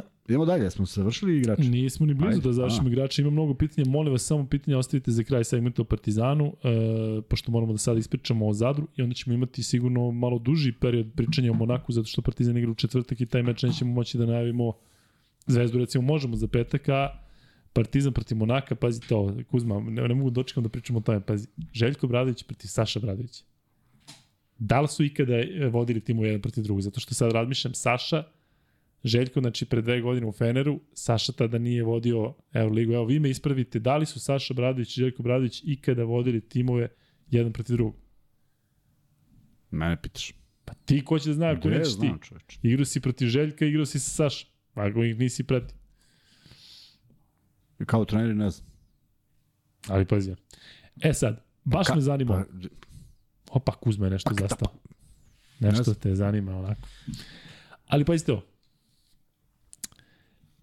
Evo, tvoje mišljenje Kuzma. Kako treba navijači Partizana da dočekaju Sašu Bradovića? Zviz- Zvižducima.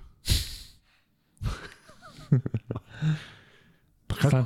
Pa kako ulazi Pa protivnički? kako da dočekaš čoveka koji je bio gospodin čovek, Pa gospodin je on čovjek. Pa. ali on kad je vodio zvezdu nikad lošu reč nije. Ili se Šta mora sećaš da dok kaže igrao? Ali ne, u smislu da je na tapetu zato što je zvezdaš, pa sad kao, pa sad su svi zvezdaši. E, protiv- bilo je toliko nekih stvari gde su neki igrači dobijali takve, takve uvrede, nikad loše ništa nisu rekli, pa se desilo. Ali jel treba da se ima isti odnos prema Saši Bradoviću koji nikada, kao igrač ja se ne sjećam da je nešto o, loše protiv Partizana uradio, da je bilo neke provokacije nečega. Nije. Jel treba da bude dočekan isto kao neko ko je provocira Partizan i ko je, ajde da kažem, na spravna tapetu? Ne mora, ne treba A da... zato kaže. Pa ne, ne treba da, da ga da hoće da ga rastrgnu, ali prosto dolazi protivnički trener, a tebi je potrebna preko potreba, pobeda. Ne, ne, naravno, Prvo- ali prvo- govorim, prvo, ne, ali neće- tokom meča, kad uđe u dvoranu, Ma treba da mu to, zviždi. pa možeš ti da ga aplaudiraš, onda će prva njegova gestikulacija te nervira. Kad bude tražio da, da se svira tehnički. Ma sve je okej, A, da ne tokom meča ga, treba. on mahne, on izvižde i čao. Svima stavi kako treba dočekati, e, kako navijači Partizana treba u areni da dočekaju Sašu Obradovića. Pozitivno ili negativno. Pazi, ti sad imaš i ono kao, znaš kao, on se pokačio sa zvezdom, pa sad ga zvezdini navijači dočekuju zviždacima zbog kako Nisu se dočekali, je. bilo ih je baš 10-15 koji su zviždali, svi ostali su aplaudirali. Bilo je pola-pola. Dobro, ako ti sad znaš pola-pola. Kako ne znam, čovjek se pozdravio sa mnom prvo kad je ušao u dvoranu, pozdravio se sa mnom. se pozdravio. Pa, i, i, znaš da se pozdravio sa mnom, to ti kao ne znaš. U to vreme šta je bilo i kako je bilo. Ehm, da, ali još jednom kažem, treba navijači Partizana, treba Barsu da dočekaju. Ne zvižducima. Znači sve u nivou dozvoljenog, ali Partizan protiv Barcelone zbog onoga kako je bio tretiran u Barceloni, treba da dočeka na najgori, na, najvatreniji mogući način. Eto, to je izraz koji, koji ću da, da upotrebim. Baš me zanima vaše mišljenje ovdje, da li će biti negde pola-pola. Znate da smo imali sličan pol kada smo pričali o Trinkjeriju, ali ajde mi za početak da se, odnosno za nastavak da se vratimo na meč protiv Zadra. E, Kuzma naneli 8 poena, 3 skoka, 3 asistencije. korektno, ali Bio opet tu za vreme neke sigurnosti da malo ulije. Da, dve trojke je, za redom, Da, onako- kad je video Željko da to ide i bez njega, povuko ga i potpuno razumljivo. Exum 6 pojena, 2 Ništa, skoka, 2 ista asistencije. priča. Meni što se dopalo Exum, posljednji napad Partizana u prvom poluvremenu išao na Koprivicu, a Željko išao, išao bukvalno u pravcu uh, Exuma što mi se dopalo da mu se nešto smeli su se sprdali su se u smislu da je možda nešto Exum uradio ili dobro ili loše u svakom slučaju mislio sam da ide prema trenu Zadra da bi mu nešto baš se smeo bio je kada na njemu I mislio sam da ide da se možda samo javi zbog tog time outa koji tražio na velikoj, velika razlika, 20 sekundi do kraja, međutim on i Exum se nešto pozdraviše i ismijaše, baš, baš, baš mi je drago da je takva atmosfera između njih dvojice i u ekipi. Ledej, 6 poena, 3 skoka za 14 minuta i on, čini mi se da je danas minutažu da ga štedeo Željko, što ima smisla, ali tako? Kuzma? A, I on je spadao u grupu igrača koji su, da koji su morali da odmore, bio je tu koliko je bilo potrebno i mislim da je tu najbolja, najbolja varijanta, a u tome su im pomogli i igrači koji su igrali, prema tome nije moglo bolje. E, Brodzijanski, 2 poena, 2 skoka, 9 e, minuta. Žao mi je tog momka, zato što on sigurno neće dobiti produženje ugovora. Volao bih da u ovih 3 meseca, ne znam koliko mu je ostajalo, možete da pišete koliko je ovaj, ostalo. Ali volao bih da, da, da pokaže da nije toliko loš. On jeste promašaj, ja stalno pričam da je promašaj i da ne treba eksperimentisati sa tim igračima od kojih očekuješ mnogo, a nemaš mnogo argumenta da očekuješ mnogo, ali e, on u sve to što sigurno nije ispunio očekivanja, sve to muški podnosi. Danas je imao nekoliko dobrih poteza, nije mnogo igrao, eto manje od 9 minuta, ali eto, jedan koš, jedna asistencija, mislim, za zakucavanje i ovaj Šta znam, kaže, Zna volio bih da odigra. Zna se cilj u ovoj sezoni svih njih i, i zna se šta se traži i e, gleda se konačan cilj. Više ne gleda niko ovaj, e, pojedinačni učinak i kad prođe utakmica srećan si što je prošla i što te neko odmenio. Uh, ima onih igrača koji zamole možda da igraju 10-15 minuta da ne ispadnu iz ritma i sve to postoji. Tako da to je stvarno stvar jednog do, jedne dobre hemije koja očigledno postoji i u Zvezdi i Partizanu. E, Digli su se jedni i drugi posle turbulentnih momenata i sad nema razloga ovo što kažeš dobra je atmosfera. Pa naravno kad si 114-77, a ja verujem da je bar pet puta Željko se okrenuo na klupu i nešto rekao, bez obzira što je oliki rezultat, prosto to je tako. I Ivanović je reagovao burno na nekoliko odluka, jednostavno oni žele da bude još bolje, ne prihvataju to da nešto, da nešto tog tipa neštima, I, i atmosfera sigurno jeste dobra, a čekaju i zaista dve teške utakmice. Ne znam, ne znam, verujem da je Zvezdi na nijansu teže, zato što odlazi na gostovanje, ali ni jedan ni drugi tim nisu naivni. Monako koji je pokazao da može da pobedi i kod kuće i u gostima. Može i da izgubi vrlo lako ako uh, James to reši. Uh, mislim da imaju ideju kako da ga čuvaju, što je vrlo bitno, da se on oslobodi lopte sa svim ostalim igračima je lakše, tako da vidjet ćemo.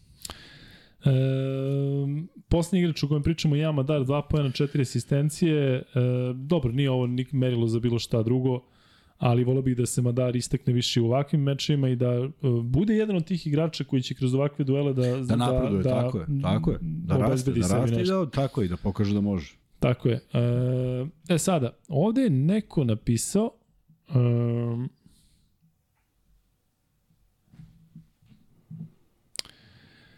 neko je napisao sledeće da smo sve sve ne, bu, bivše trenere, odnosno sve trenere koji dolaze u Pionir bili m, dočekali na isti način. E pa ja o tome pričam baš. Dakle, Saša Bradović nije bilo ko. Saša Bradović je ovoj zemlji donao, odnosno učestvovao je u um, tri evropska zlata, u srebru na olimpijskim igrama i u zlatu u Grčkoj na svetskom prvenstvu. I većinu tih medalja je osvojio pod, želj, pod Željkom Bradovićem. Tako, Kuzma. Valjda. Jel treba, mislim, nije isto kada dolazi on ili kada dolazi neko bilo ko. To hoću da kažem. Dakle, on je ovom, ovom, ovom narodu donao mnogo sreće igrajući za reprezentaciju. I to ne treba zaboraviti tek tako. E, idemo sada dalje. Nećemo više pričati o igračima Partizana zato što smo ih sve ispucali, ali ovde je neko pisao da je Andjušić povređen. Mislim da mi se prvi put ikada dešava da bih volao da je neko lakše povređen. Jel bi to možda imalo objašnjenje, jel ovakve utakmice za, za Andjušića tek bitne, tako? Da.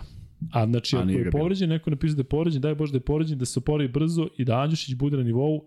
Eto, pričamo o tome da je Bentil razočarao u nekim mečima, Holland sigurno, da se više naravno očekivalo od tog Adamsa koji je otišao, da se očekivalo više od Ilića, da se ovo, ali Kuzma koji se od nekoga više očekivalo u Partizanu i ako se očekivalo da će pre svega imati veću minutažu, to je Andjušić, ili tako? Tako je. I sve što smo mislili je suprotno. Sad, zašto je do toga došlo, znaju najbolje njih dvojica. Uh, šteta, zato što uh, mislim da ima svoj kvalitet i svoje iskustvo iz Evrolige i da je mogo samo da donese dobro, ali da budemo iskreni i realni, neke stvari, neke odluke na terenu koje su bile zaista nisu bile na nivou tog nekog renomea, da li je tu prevelika želja, da li je to preveliki strah od, od greške ili šta već, ne znam. U svakom slučaju pošlo, prošlo je 16 utakmica i stvarno smo mislili da će biti bolje. Ivan Pejić piše da su i Trifunović imao viru, problem sa virusom, a ovaj, Andjušić je lakše povređen. Ja bih volio da je tako stvarno, što kažeš da nema nekih, nekih e, drugih stvari, ne, bih, ne bi to trebalo, da, ne bi to pomoglo Partizanu svakako, tako da bih volio da ga vidim u, u nekom svom elementu što pre. E, evo jedno opšte pitanje, kako gledate na šanse, pošto već Peđe postavio, e, kako gledate na šanse za top 8 sada kada je Partizan kompletana zvezda bez dva povređena, pozdrav za Je- Jekaterinburga, dodatno grad koji je ono sinonim za žensku Euroligu. E, ja sam tu potpuno subjektivan i priznajem, ja sanjam da Zvezda i Partizan budu u top 8. Dakle, ja bih volao i to su vjerojatno pozicije 7 i 8 ili 6 i 7 ili 6 i 8, nije realnije da bude nešto drugo. Ali ne mogu da mu objasnim koliko bih voleo da se Zvezda i Partizan nadmeću ko je bolji u top 8 Euroligi. Dakle, to je moj san, ko što je bio san da oba tima igraju Euroligu, sećate se, vi koji ste bili uz nas od početka da kada smo počinjali da radimo, ja sam rekao, uf, jedva čekam samo kad bi igrali Euroligu. Dočekali smo da igraju Euroligu i Zvezda i Partizan. Ne znam za koliko će to još sezona važiti. Priča se o te dve konferencije, daj Bož da bude tako, ali e, mi dalje ne znamo Kuzma šta dobi, kako, znamo da verovatno prva KB ide u Euroligu, šta dobija mi, dakle ovo je Ne, prva možda jedinstvena zvanično sezona. ne ide u Euroligu. To Da, tri ali, već godine ali se kao datira. podrazumeva. Ma, to podrazumeva se dok ne prestane da se podrazumeva. Ali tim pre, ovo što ja govorim dobija onda smisla. Ja, vrlo moguće da će ovo biti možda jedinstvena prilika da Zvezda i Ovo jeste, ligi, jeste. a možda se desi da niko ne igra. Jeste, a može da bude jedinstvena prilika da se napravi neki dugoročni, ovaj, neki dugoročni plan. Da je neki dugoročni, dugoročnija saradnja. Zašto? Zato što ruskih klubova neće biti. Evidentno. Ne zato što... Mislim mi- da CSKA neće da bude vrati sledeće sezone kao što se priča. Uh, ako vrate CSKA. CSKA neće sva tri. Prvo, CSKA ipak poseban. Drugo, koji su momenti da im kažeš da će ponovo početi da igraju? Kad, kad to radiš? Negde u julu? Da. Ajde kao. Znači, za to mora neka priprema, tako da ta odluka mora bude donesena vrlo brzo a ne u julu mesecu pa da negde u oktobru oni startuju sa pripremom, jer nećeš dobiti kvalitetnu ekipu, dobit ćeš CSKA, ali nije valjda u tome. Euroliga teži da ima kao što kvalitetnije takmičenje i od tuda svi ti finansijski momenti, a sad da, da sklopiš ekipu koja ne znamo, ja ne znam kakvi su uslovi života u Rusiji i ne znam mnogo, mislim da je toliko dezinformacija i da, da, da jednostavno niko od nas ne zna kako se tamo funkcioniše, a pogotovo kako funkcionišu ti ljudi koji su a, u, u ogromnom novcu i kako CSKA, koja su primanja i sve. Ne znam, nikad nisam ni mislio o tome, a sad ipak su specifične okolnosti. Tako da teško da će biti s tri. Ako bude, bit će CSKA što je, što je Euroliga primorana da ih vrati, a da još onda od kog glasanja će biti kome se ne putuje tamo i bit će tu cirkus. Tako da mislim da će Euroliga želeti da izbegne cirkus tako što nema CSKA. Mislim da će moći Euroliga da izbegne cirkus Pa sa ne znam, svim koji su, ne znam cirkusima. koji su penali. A ako mogu izaći iz toga. Ja bi volao da CSKA bude ponovo u Euroligi. Ja bih volio, naravno. Zbog čega? Zbog toga što su tim koji je osvaja Euroligu, zato što meni recimo ono što smeta Ne mogu, to, ja ne mogu da shvatim. to što nema navijača. Ma ne, pa, ne, ne mogu da, ja ne mogu da shvatim da, da, da, da odluka bude takva zavezana za sport. Ja i ne prihvatam to da je to zdrav razum. Zaista. E, negde sam pročitao danas, pošto se u poslednje vreme se malo više bavim tim, da je neki ozbiljan general pro, e, koji je ranije isto dobro isprognozirao neke stvari, da je rekao da će doći 2023. čak i rekao i neki datum konkretno kada će doći do primirja, kada više jednostavno neće biti smisla da se ratuje na relaciji Rusija-Ukrajina. E, čak i da se to desi, da se vrati ruski klubovi, zar ne misliš da će ipak ovo, ovo biti neko, nešto što će teško da, da neki... Hoće. e, Pa hoće. Hoće jer je to tako neko postavi. čak i da se rat završi večeras. Čak je se završio večeras. Treba će ti neko vreme. Mislim, ruski klubovi sada dolaze, dođe London, uđe sledeće godine u Euroligu i sad CSKA ide u London. Šta će to da bude kao... Postavljeno Da, na jedan nivo. veze. Baš bez Postavljeno nivo koji nema mnogo smisla. Ja bi, ja bi stvarno bio ovaj, potpuno protiv toga, po- potpuno za to da je to jedini rat koji nam se desi unad za 30 godina, ali nekako, nekako mi se čini da nije. I ne, nisam gledao slične stvari. Znam samo da mi ne odosmo na evropsko prvenstvo kad je Danska uzela titulu. Znam da su naši košarkaši bili pod sankcijama IHH, pa pitanje je kako bi bilo da Bora Stanković nije bio tu. Šta su ti igrači, futboleri, sportisti skrivili? To će teško ko moći da mi objasni. I ima jedna vrlo interesantna stvar. Znaš, kad sam otišao u Belgiju, prvi put se susrećem sa Amerikancima koji mi objašnjavaju da smo mi u stvari krivi, ovaj, zato što smo mi birali Miloševića, pošto je tad Milošević bio na vlasti. Da, to su meni u Americi često tako? govorili. E, ja sad volim da ih okrenem i kažem, "Jeste- vi birali Trumpa? A oni kažu, pa nismo. E, pa čekaj, kako niste? Znaš, oni što Trumpa su ili bili- Bidena? Ne, govorim za Trumpa. Znaš koliko je ljudi bilo protiv Trumpa. Da, Pa kažem, jeste ga vi birali? Pošto E. znam ljude koji su demokrate pa nisu birali njega. da, da, da. da Pa kako niste? I onda je uvek drugi aršin, pa nismo mi. E, to ti je taj glupi odgovor. Isto ko što jer- za Bajdena koji, za koga kažu da kad i ko je on došao da je krenulo su ratovi i sve, isto je, tako, da se kaže. Tako. A taj Trump kakav god bio nije bilo rata. Koliko god to sad glupo zvučalo. Za njegovog mandata nije bilo. E sad, uh, u svemu tome sport trpi i to uglavnom ruski sport. I ruski sportisti su dopingovani, i atletičari dopingovani, i skijaši, i skakači, i stonoteniseri, i svako je dopingovan. Samo, samo s jedne strane. To je ne, ja ne mogu da popijem tu priču nikako. Ja ne mogu, ja sam obožavao Karla Luisa. I ko mi objasni zašto je on trčao brže u 33. nego u 27. godini? Samo nek mi neko objasni. Ja prihvatam. Da, slično je sa ovim Gatling, Justinom Pa, Gatlinom. mislim, pričamo nešto bez veze. Znaš šta je dobro fora, šta ti je najbolji primer propagande? Ja kada sam odrastao, Rocky 4 je bio najkomercijalniji od celog serijala Rocky, koji dan danas volim, čak i sa ovim nastavkom. Da, on četiri? Četvorka je drago. I je, već četiri. Ovaj, I priča mi je tata pokojni kako su navili u, u, u bioskopu Jugoslavija da se navilo tokom premijere je. kao da je bilo sad ovo, je, udriga. da. Ali pazi ovo, ti u film imaš Dolfa Lundgrena koga bodu da je na steroidima. Tako Koji je u, u pravom životu sportista, karatista, sve čisto. I imaš Balboa koji je kao sve čisto, u stvari Stallone u tom periodu Sav nas, hemija da, da. izlazi na uši. Ali nosi... Ali pazi ti balan. kako su to A naravno, okrenuli. i Znači, to ljudi gledaju. pritom to se... se ovaj drogira u sred, odnosno uzima steroide dok snima film, a ovaj kao, znaš, izbacuje sve, u stvari čisti mišići, tačno vidiš građu. Ozbiljno, ozbiljno smo ovaj, uh, imali ozbiljnu propagandu. Pritom, pazi, ja u Americi, jedan od mojih najvećih uspeha u Americi, pošto se ja tamo ložio da okrećem kao leđa, zastavi, pa, znaš, da tako sad ja skrenem pažnju na sebe, pa jedno vreme čak je bilo nešto, neki priče da to ne sam da radim. To je kao bio moj znak da kao, zato što su nas bombardovali. U stvari, mislim da je najveći uspeh u mojoj Americi to što sam neke ljude uspeo da, da, Da objasni šta se desilo. Tako je, ali profesor istorije koji je mene dočekao na nož, koji mi je odmah čim je me prozvao, kao, a piše mu Spasovski, piše mu da je iz Srbije, piše da je iz Jugoslavije. I on kao, aha, ti si ovde neki Poljak, šta si ti kao došao iz neke male zemlje? Znaš kako ni, po... gledam, šta je, šta je tebi? Da, da. A on iz Nebraske. A on poreklom Nemac. Pazi, Nemac. Znaš ti koliko je to ispao ok čovek koji je mene terao da mu pričam šta se stvarno desilo. Jer on ranije nije imao priliku da čuje. Da, on neko kada meni priča, pa čekaj, su valjda stvarno padale bombe 99. Pa ja objašnjam, da, idemo u sklonište, a onda i posle više nismo išli u sklonište. On je ovako gledao. Znači, bukvalno, i kad je pričao 90. 92. pa ti kao dete, kako?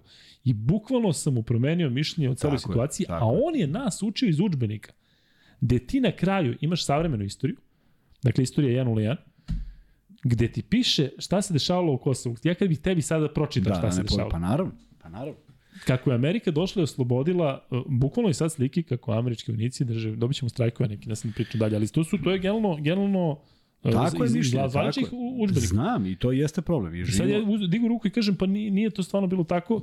Nisu oni mene sekli nešto, nije sad bilo kao ne smeš to da kažeš. ne, imaš su bili pravo da više misliš. zainteresovani imaš da pravo na svoje da. mišljenje. To ti je četvrti onaj Almandan, tako beš. Jest. I čudno. E, u svakom slučaju, pazi, uh, Će biti 116 da se vratimo, da, da se vratimo mi na, na Ruse. Ako ih ne bude, a ovo bude proširivanje. Ne može da bude tako rano proširivanje. Proširivanje mora da dođe kroz neku etapu. Ne može da se danas odluči da bude 24 ekipe. Ne može. Onda, zašto se obesmišljava Evrokup? Obesmišljavaju se ulaganja mnogih klubova. Znači, to uvek ide u, u napred bar dve sezone. Prema tome, ako do danas ne čujemo ništa, a možda i do, eto, ajde da kažemo do Final Four, ako ne čujemo ništa novo, mislim da je kasno za naredne dve sezone. Vidjet ćemo. Dubai, ne znam kako će, čime će se leteti. Možda su izmislili neki, neki brži način prevoza, ne znam kako neko može da stigne. Ne znam ništa o tom projektu, mislim da je on nabacan kao lepa ideja, ali ne i nešto realno. No vidjet ćemo, nema mnogo uticaja na to. Ja bih samo voleo da Zvezda i Partizan zauzmu svoje pozicije, da se na neki način reši status ABA ligaša i da se dobije bilo kakva šansa za ulazak uh, druge ekipe. I to bi bilo idealno.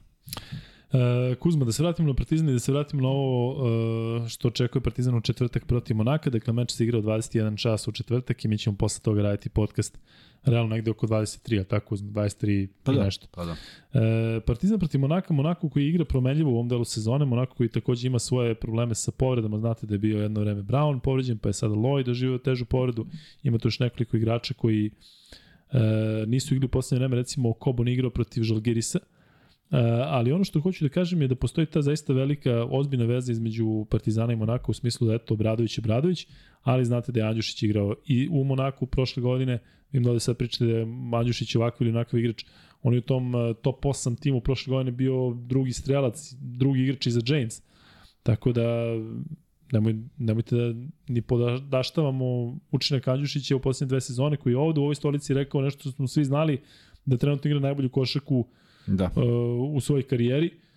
Uh, da je smo u Partizanu očekivali više, jesmo, ali ja i dalje verujem da će se stvari popraviti. Prvo što se tiče minutaže i drugo što se tiče svega svega ostalog, ali uh, postoji druga veza između Partizana i Monaka, to je naravno Matijas Lesor koji je sa Monakom svoj Eurocup, seća se onog njegovog, da.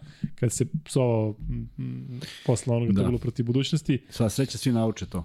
Da, do duše promenio se ozbiljno tim, tako da nema tu mnogo igrača koji su bili u tom timu i koji su sada, ali taj meč će biti jako bitan. Kuzma, e, šta je e, Partizanova prednost u odnosu na recimo Monako? Ono što meni prvo pada na pamet, to je Tev Ramović koji će da juri James i da generira sve vreme, zato što James je na sreću ili ne, po Monaku kako god, on je ipak duša tog tima, čovjek koji u stanju da 40, u stanju je da, da ima nula, kao što je imao sad na ovoj posljednji utakmici. Ali e, Gde možda vidiš još, još nešto što bi Partizan imao prednost u odnosu na Monako, osim recimo na navijača? Prednost je serija pobjeda. To je apsolutno prednost. Prednost je da je polako u Euroligi negde prepoznaju šta i kako treba da rade i sad na ovo, zato je vrlo bitno da ovi koji su danas odigrali utakmice što pre prepoznaju svoju ulogu u jednom drugačijem izdanju ne mogu da ne mogu da se ne može da se očekuje isto i ne mo, ne treba da se očekuje isto, ali da se doprinese na jedan drugi način i tu Partizan još još uh, sklapa kockice jer su stvarno dugo odsustvovali igrači koji su odsustvovali. S druge strane ja verujem da će Željko Obradović hteti da se da se da se James oslobodi lopte, da se stalno oslobađa lopte da bude bez lopte. Ono što je dobro u odbrani Partizana kada preuzimaju stvarno su svi sposobni, pa čak i Lesor uspe na perimetru ruke da drži, da drži playmakere. Koliko je to za Jamesa dovoljno i kako će on biti raspoložen, to ćemo vidjeti. On je igrač koji može odvede ekipu i ovamo i onamo. Uzeće zadnji šut bez razmišljanja, ako je promašio sve šuteve te večere, on će uzeti poslednji, uopšte to ne dolazi u obzir da se, da se pita, ali jeste u pravu si nešto što, što zavisi od njega, to je njegovo raspoloženje. Uh, mislim da ta košarka ne dobija na duže staze, mislim da su neki porazi njemu na dušu u ovoj sezoni, s druge strane ima nekih pobeda koje su samo njegove, koš preko Tavaresa bi verovatno samo on dao na svetu i niko drugi, ali pitanje je da li će dati drugi takav i pitanje je da li će se ikad desiti takva situacija. U svakom slučaju čovjek koji može da reši utakmicu, ali vidjet ćemo da li Partizan, a mislim da ima tela da odgovore na jednu čvrstu igru Monaka, jer Što divna tela ili divna obična? tela, divna, baš divna.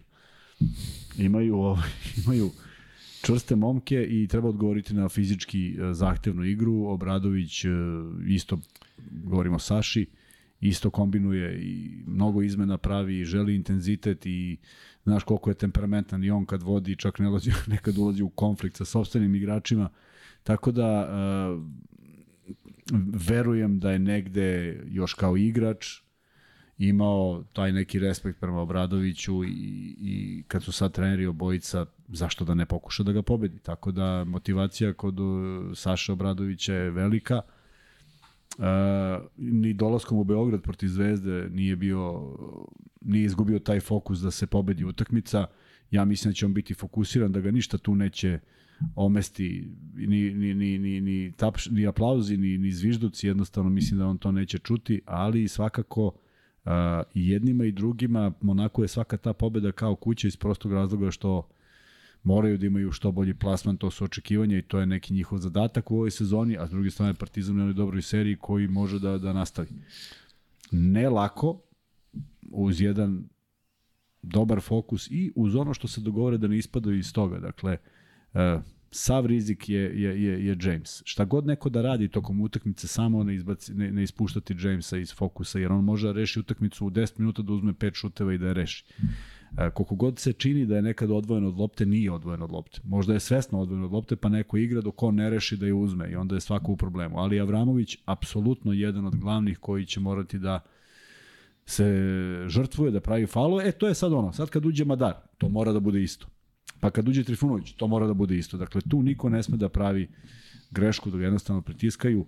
Ulazi u nervozu, razgovara sa sudijama, nije često daleko od neke tehničke greške, to može da se iskoristi. Uh, Kuzma, pričali smo Ivanoviću da je bio igrač da je sada naravno u Splitu dobio ovacije i da se odmah brzo prebacio u trenerski posao. Kada se igrao sa Sašom Obradovićem, je li izgledalo tada da on jednostavno ima taj šlif za trenera kao što je recimo, priča si mi da je za Radonjićev jednostavno bilo jasno da će on uploviti nije, u trenerske vode. Nije, ja mislim da se Sale spremao, nije mi delovalo, ne mogu da znam šta je Željko, kako je Željko funkcionisao, nisam, svi kažu da je već bio u tim vodama. Kod Saše nije, mada kako sam razumeo iz nekih priča, on je sve to vodio, neke treninge imao već zapisano, dakle bavio se samo što nije bilo da. nama, nama vidljivo nisam očekivao, nisam ni ne očekivao, prosto on se opredelio za to, pa pogledaj, opredelio se on, opredelio se Radonjić, Igora Kočević radi sa, sa decom sada i to mu je, kaže, veliko, veliko zadovoljstvo. Topić je u, u Kini. Sichuan Blue Whales. Milo je, je u Americi. Jedino ti nisi trener iz te ekipe. Gašo Pajević je u budućnosti. Pitaju te ovde, hoćeš biti trener? Hoću, sledeći goj. Koliko čekam Dubaj, čekam Dubaj duđe. Ali jel ostavljaš 1% opcije da budeš trener? Pa si vodio sport klub. To je, to je bio uspeh. Pa iz toga se izrodio ovaj podcast. Ta pobeda da... protiv MTS-a, sećaš te pobeda? Sećam se, nego vidiš, iz toga se izrodilo nešto ovako dobro i ti nećeš da budeš trener. Ovaj, ubedit će mi Kuzma da bude trener. Pa malo podcast, malo... malo ovaj, Treću naučim sviram bas gitaru. E,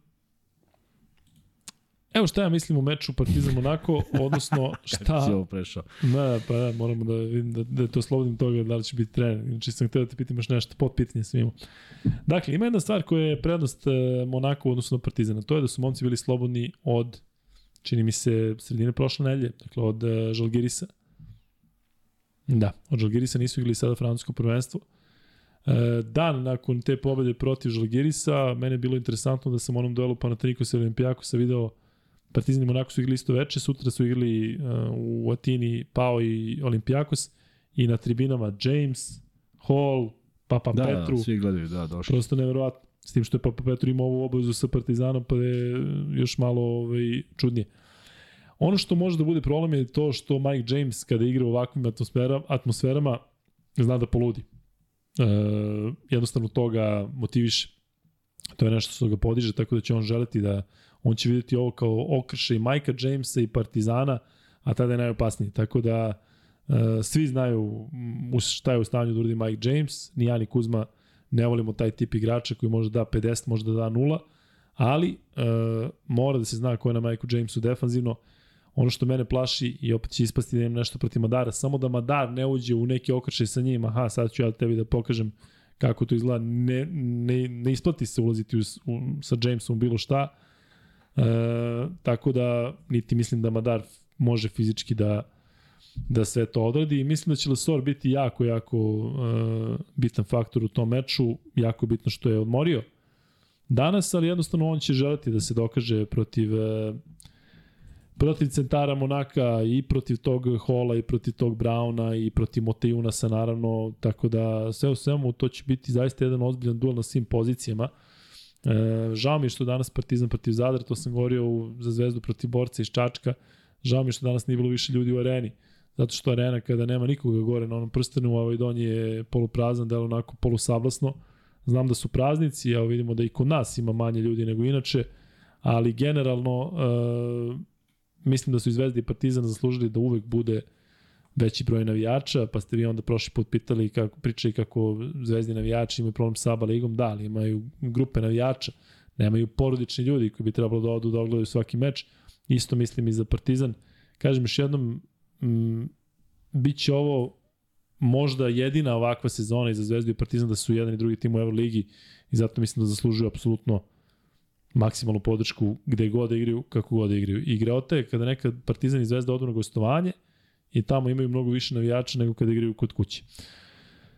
Ele, idemo dalje. Što se tiče e, e, Partizani Monaka, dakle o tom meču ćemo pričati kada se završi e, u četvrtak negde malo pre ponoći. Da kažem da se u četvrtak igraju još mečevi Alba Baskonija, Žalgiris Fenerbahče, Barcelona Virtus i Bayern Panathinaikos, a onda u petak imamo naravno taj meč između Zvezde i Valencije, Valencija je domaćin u 20.30, igraju se još mečevi FS eh, Asvel, Olimpijakos Armani i Real Maccabi. I ovo je posljednja nedelja kada je pauza u Evrokupu. Evrokup će se igrati sledeće nedelje, ako se navram, da, duplo kolo je sledeće nedelje u Euroligi. Da. Tako da biće još puno, puno, puno utakmica. E, mi Kuzme imamo za večeras još da, uh, ajde Vanja prvo da uh, da vidimo ovaj pol kako izgleda. Vanja, ja sam ti poslao dve slike, pa i daj redosledom da iznenadim Luku. 70% pozitivno, bravo. 29% negativno. Drago Zašto? mi je da je ovo. Za kako treba dočekati Obradović. Pa nego šta treba nego pozitivno. Pa svi kažu. Ja si rekao da zviždi. e, da, sad ću slike kad sam ja bio trener. Kukulele. Pred derbi i posle derbi. E, Vanček, ti si spreman da pričamo malo o NBA ligi, ili tako? Ti Kuzme imaš posle one fantasy lige, ili imaš da čitaš to? Ne, pa ne, sutra se završava ABA, e, da, a onda ćemo odlično. to da radimo sledeći put. Super.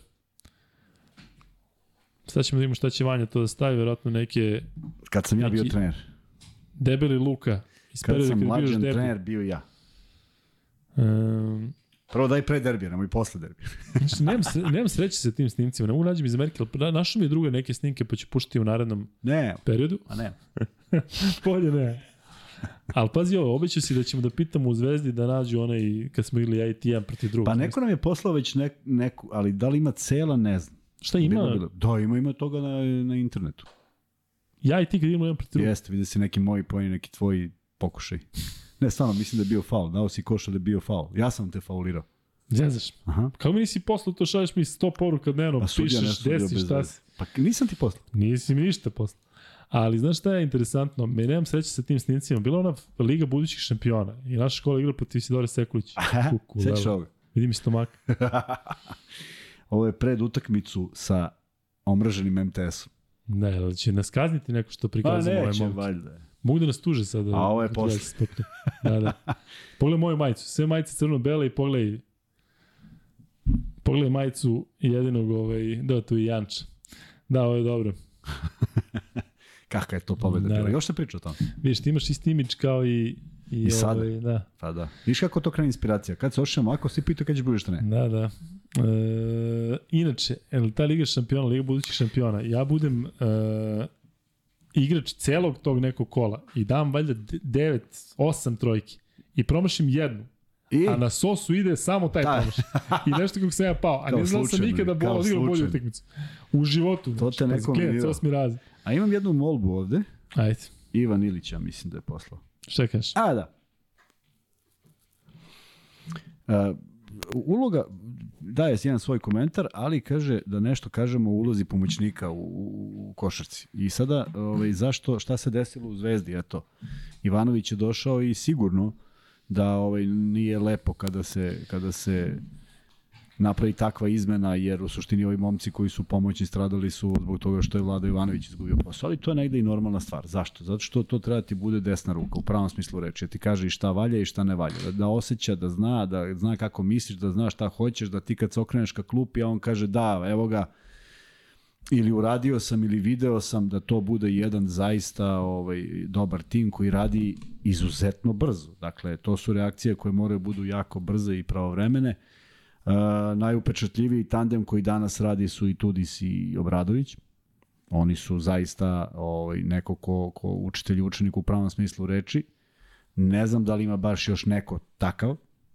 Time ispravi ako postoji.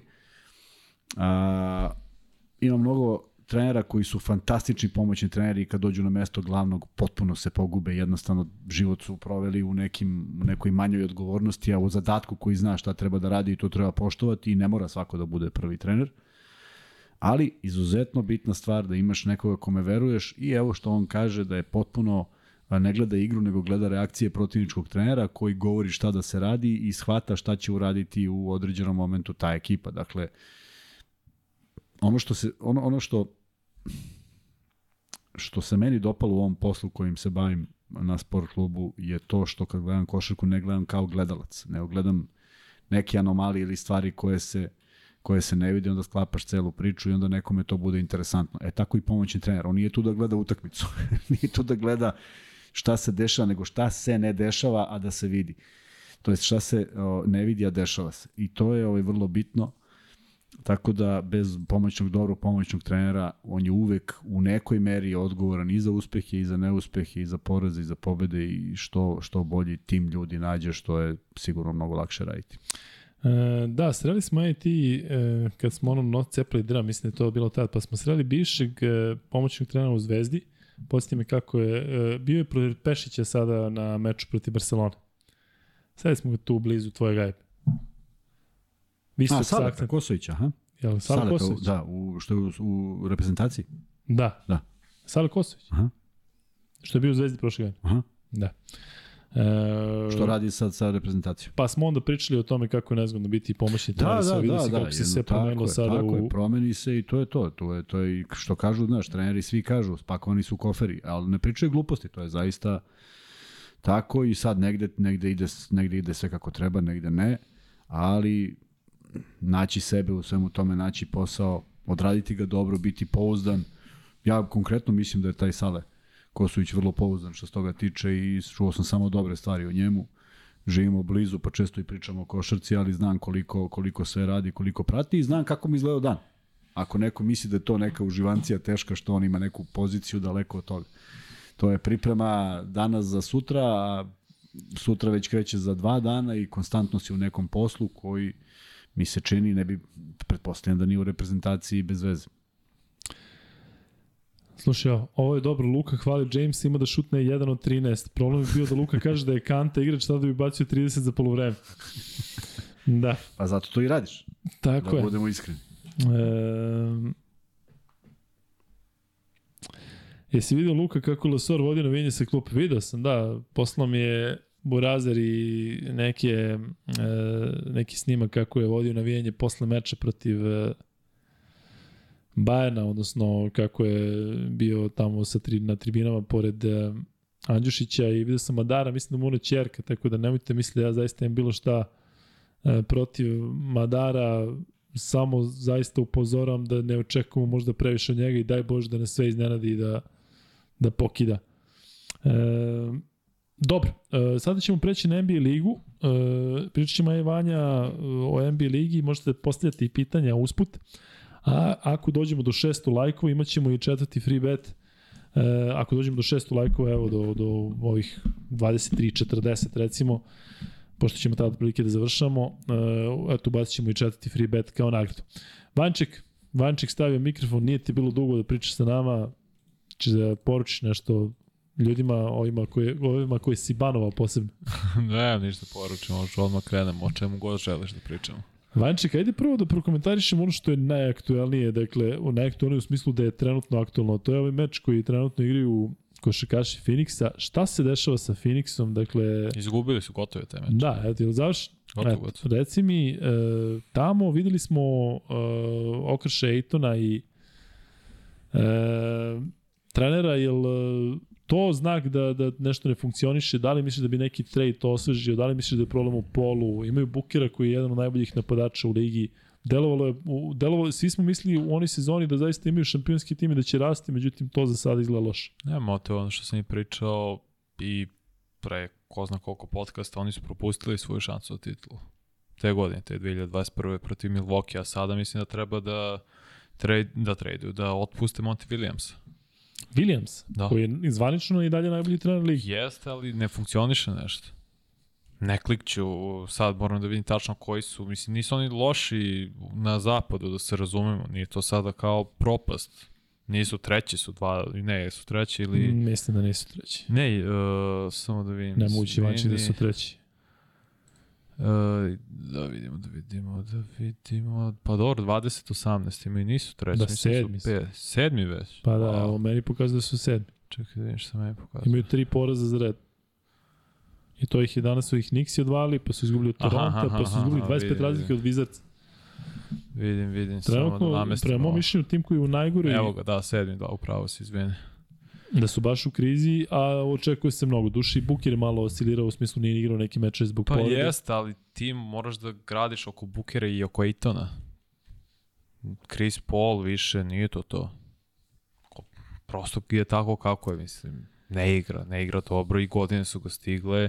Monty Williams ne može da izgradi neku hemiju ili odnos sa Aitonom, a potreban ti on. Ne, ne rađu se takvi igrači sa 2.13 uh, tih fizičkih predispozicija, brzine, ima i lep šut i sve lep dodir. Tako da, ono, mislim da bi ja bi sačuvao uvek pre igrača nego trener. Jeste Monty Williams i vrlo dobar trener i sve, ali nije nikad osvojio titul. Nije sada, a imao je tada kad je bio u finalu odličan tim. I poklopile se neke kockice, čini mi se te godine su bili određeni timovi povređeni. Mora bi da vidim ponovo playoff te 2021. Ali Ejton ima potencijal koji još nije opravdao i dao on svojih 18 spojena 12 koliko 11 koliko, ali treba da se malo i igra za njega, a ne da se on konstantno prilagođava drugima. Pominje se taj eventualni trade Bogdanović u Phoenix koji ga je draftovao, nikada ne igrao za ovu ekipu. Ali misliš da bi recimo jedan takav igrač, takav čist šuter malo doprinao, posebno kada bi recimo otišao Crowder i neku za koga smatraju da je možda i, i srž problem. Pa bi sigurno. Mislim, imaju Šemeta koji ulazi, Okogi je Damon Lee, ali bi Bogdan bio ubedljivo tu najbolje. Da. I baš bi značio bi Booker i mogli bi njih dvojci zajedno da dele backcourt u određenim momentima tokom meča i pri kraju, jer obojica mogu da stvaraju iz pika, iz driblinga i da budu ovaj, catch and shoot igrači, tako to uopšte ne bi bilo sporno. Da, prećemo jako brzo na Denver i na Dallas, zato što su to timovi koji su najinteresantniji u ovom regionu, ali ajde malo samo vanja o Clippersima. E, ne vide ih e, trenutno ljudi kao neke od glavnih favorita za titulu, međutim, znamo Ali- da imaju Kavaja, znamo da imaju George, imaju dobar ostatak ekipe, imaju dobrog trenera. Jel misliš da su možda pocenjeni u ovom trenutku, iako su peti? Mislim zapadu? da jesu, Clippers su klasičan veteranski tim. Igraju koliko im potrebno. Oni se spremaju za playoff i Kawhi Leonard je to usavršio da čovjek Jeste. bude samo, mu je bitno bude spreman za playoff. Ništa drugo, regularna sezona za njih i za njega pre svega nije važno uopšte. Koliko njima je misliš da je Vol faktor u svemu u tome što Odličan imaju? trener. Ne, Iznenadio. Vol, Vol. Ko? John Wall. A John Wall, ja te razumeo, taj, uh, Lu, Wall, ja to sam rekao pre početka sezone, mislim da je Wall pravio i pogodak. Da li kao šesti igrač što uglavnom je radi, ali taj iskra Da, da, zdrav, i da. X faktor, da, Jeste. To je X faktor po našem. bi birao Reggie ili njega za prvog playa? Nevažno mi. Možda nek bude reči da ne bi oduzimao Da. lopte, koševe, tako nazovi ovom Paul George Kavaju. Nek ovaj vodi dru, drugi post, postavu, nek ima svoje šutove, nek razigrava druge, nek bude lopta kod njega u rukama konstantno. Zato je, mislim, ljudi zaboravili, John Wall bio brutalan playmaker. Jasno, jedan od naj, naj, najboljih u ligi. Mhm. Igrača, ne samo playa. Da, da. Vanja, da pređemo na Denver. Denver je prvi na zapadu. Koliko misliš da je to održivo na duže staze i koliko, uh, Dokle kažem, god su zdravi održivo je. Samo budu zdravi. da Denver bude zdrav, tako? Da. Jokić, mislim, to je igra kao MVP i treba da sad bude favorit za MVP. Da. rekao si da neće da mu daju treći MVP nagradu. Rekao ali- sam, ne, rekao sam pod uslovom mora bude prva dva prvi ili drugi na zapadu u svojoj konferenciji i da igra ovako kao što igra i moraju da mu da, mislim moraju, ne moraju ništa, ali teško Ma, je to moraju? ignorisati. Pa da moraju, bre. Znaš, zašto, šta je tu caka? Što je Luka igra malo bolje. Luka igra Nijans. mnogo više minuta. I Luka Ne, na ima. poziciji pleja i tamo može da radi šta god hoće. Ima i lopte je stalno kod njega. Tako je, ali kada bi, ja sam, kada, smo gledao, kada sam gledao Dallas, Denver, Luka Dončić i Nikola Jokić igraju istu košarku. Koliko god bili na različitim pozicijama, Da. oni jednostavno, kažem ti, uh, Stavite u svoj procene, ritam. tako je, procene situaciju i bukvalno su izvlačili koševe i faulove na identičan način. I to ono čemu govorim, kada bi Jokić u Denveru bio ono što je Dončić u Dallasu, dakle da se zna ko je ko, broj 1 i svi ostali su ovo. Ne, ovde ti stalno imaš neko dokazivanje, stalno imaš nekoga ko, ko, ko ka- taj Aaron Gordon je najbolji primjer i taj e, možda KCP, da su oni zaista podređeni timu, pa i taj Bruce Brown, ali imaš Mhm. igrače koji nisu. I e, kažem, to je ono što mislim da je najveći problem. To je takva razlika kada e, je Jokić na klupi i kada je u igri. Ja sam čak i čitao ono što sam, što sam screenshotovao kako to sve izgleda. Međutim, u Dallasu nije toliko strašno kada Luka izađe u smislu da jednostavno Dinvidi preuzme malo napadački, Tako imaš je. ti tu još neku, nekih Kao opcija. Vol, on ima tu funkciju. Tako je, tako je da ti tu imaš alternativu. Ja sad kažem da se, ne daj Bože, Dončić povredi na dva meseca i da se Jokić povredi na dva meseca, Denver bi uh, izgubio verovatno sve meče, dobio bi možda jedan, Dallas ne bi bio toliko loš, promenilo bi se možda sistemski u igri. A to je ono što u stvari hoću da vam primer, kada bi Dončić i bio taj faktor u smislu da jednostavno znaš, brate, on je bog ovde, mi svi ostali smo tu da se podrimo ekipu, tako nije u, u, u Denveru, a moralo bi da bude. I to je ono što ja vidim kao problem. Ali jednostavno ovih 24-12, hajde da kažem da, da, da ulivaju neku nadu, s tim da, uh, ja i dalje, uh, koliko pratim, uh, Denver nije u top 5 favorita za titul. Znaš, Pa, Pa za prvi su na ne znam, zavisi šta posmatraš, ne znam koji su pet ekipa koji bili ispred na ne, ne, pa zapadu. to u onim procenama, čak ne znam da li je to kladioničarski uključeno, ali Pa- generalno pet, ti- pet timova Mhm. u ligi, koji su, Denver nije tu. ne mogu to. Boston? Milwaukee, Boston? Milwaukee, Boston, Brooklyn. e, Brooklyn, e, Pa šta ste sa smijali kad sam rekao State, Pa Golden State, baš Ne. upitan. U gostima su 3-6, 16, to je neverovatno koliko loše. A kod kuće su 16-2, mislim, to mi je totalno suluda priča. ali Jest. Treba bude pre i Denver i Memphis i New Orleans pre Golden State-a trenutno kako igre. Još Da. ne znam kada će da se vrati Kari. Nazdravlje. Šta si mi radio? Nazdravlje. Me mama. Nazdravlje. Istina. Čovjek Kija i eto stiglo i meni. Ali Jokić dominira. Baš i on, mislim, pričali smo one partije, opet imao 40 pred dve, tri utakmice i sinoć, ili kad je bilo protiv Bostona, pa da, sinoć. Jeste. 30, 12, 12. To postaje normalno što rade oni i, Jeste, i, i Lu, ovaj Lučić. 26, 11, Dončić. 9 i po je statistika Jokića. Kaže, samo da prebaci da na kraju ima triple-double i to je... Ne, to ovaj, kad bi to uradio i prvi, da- drugi seed ili čak i treći, to, to je to. To bi bio MVP. Vanja, Dallasove pobede i ove Lukine partije, Sulud. eto, jel si očekivao možda tako nešto? 60 pa 51 60, pa... 21, 10 u životu nisam očekivao da će iko da uradi. Ne, ne, nemam komentar, stvarno.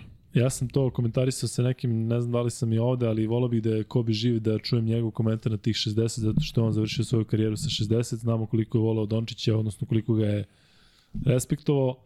I e, kada vidiš kakav respekt recimo pokazuje Jordan prema Dončiću, koji je jedino prišao njega i zaglio ga duše, to ima vjerojatno i sa tim što je potpisao Jeste, za, jeste, jeste. za, za njegov brend, ali e, kada vidiš recimo kakve face govore o Jokiću, kada recimo i taj šek, koliko god on se ovaj, pravio ovaj, zezao na neki Luk, način. to je ono što pričam ko košarkaši znaju ko igra košarku.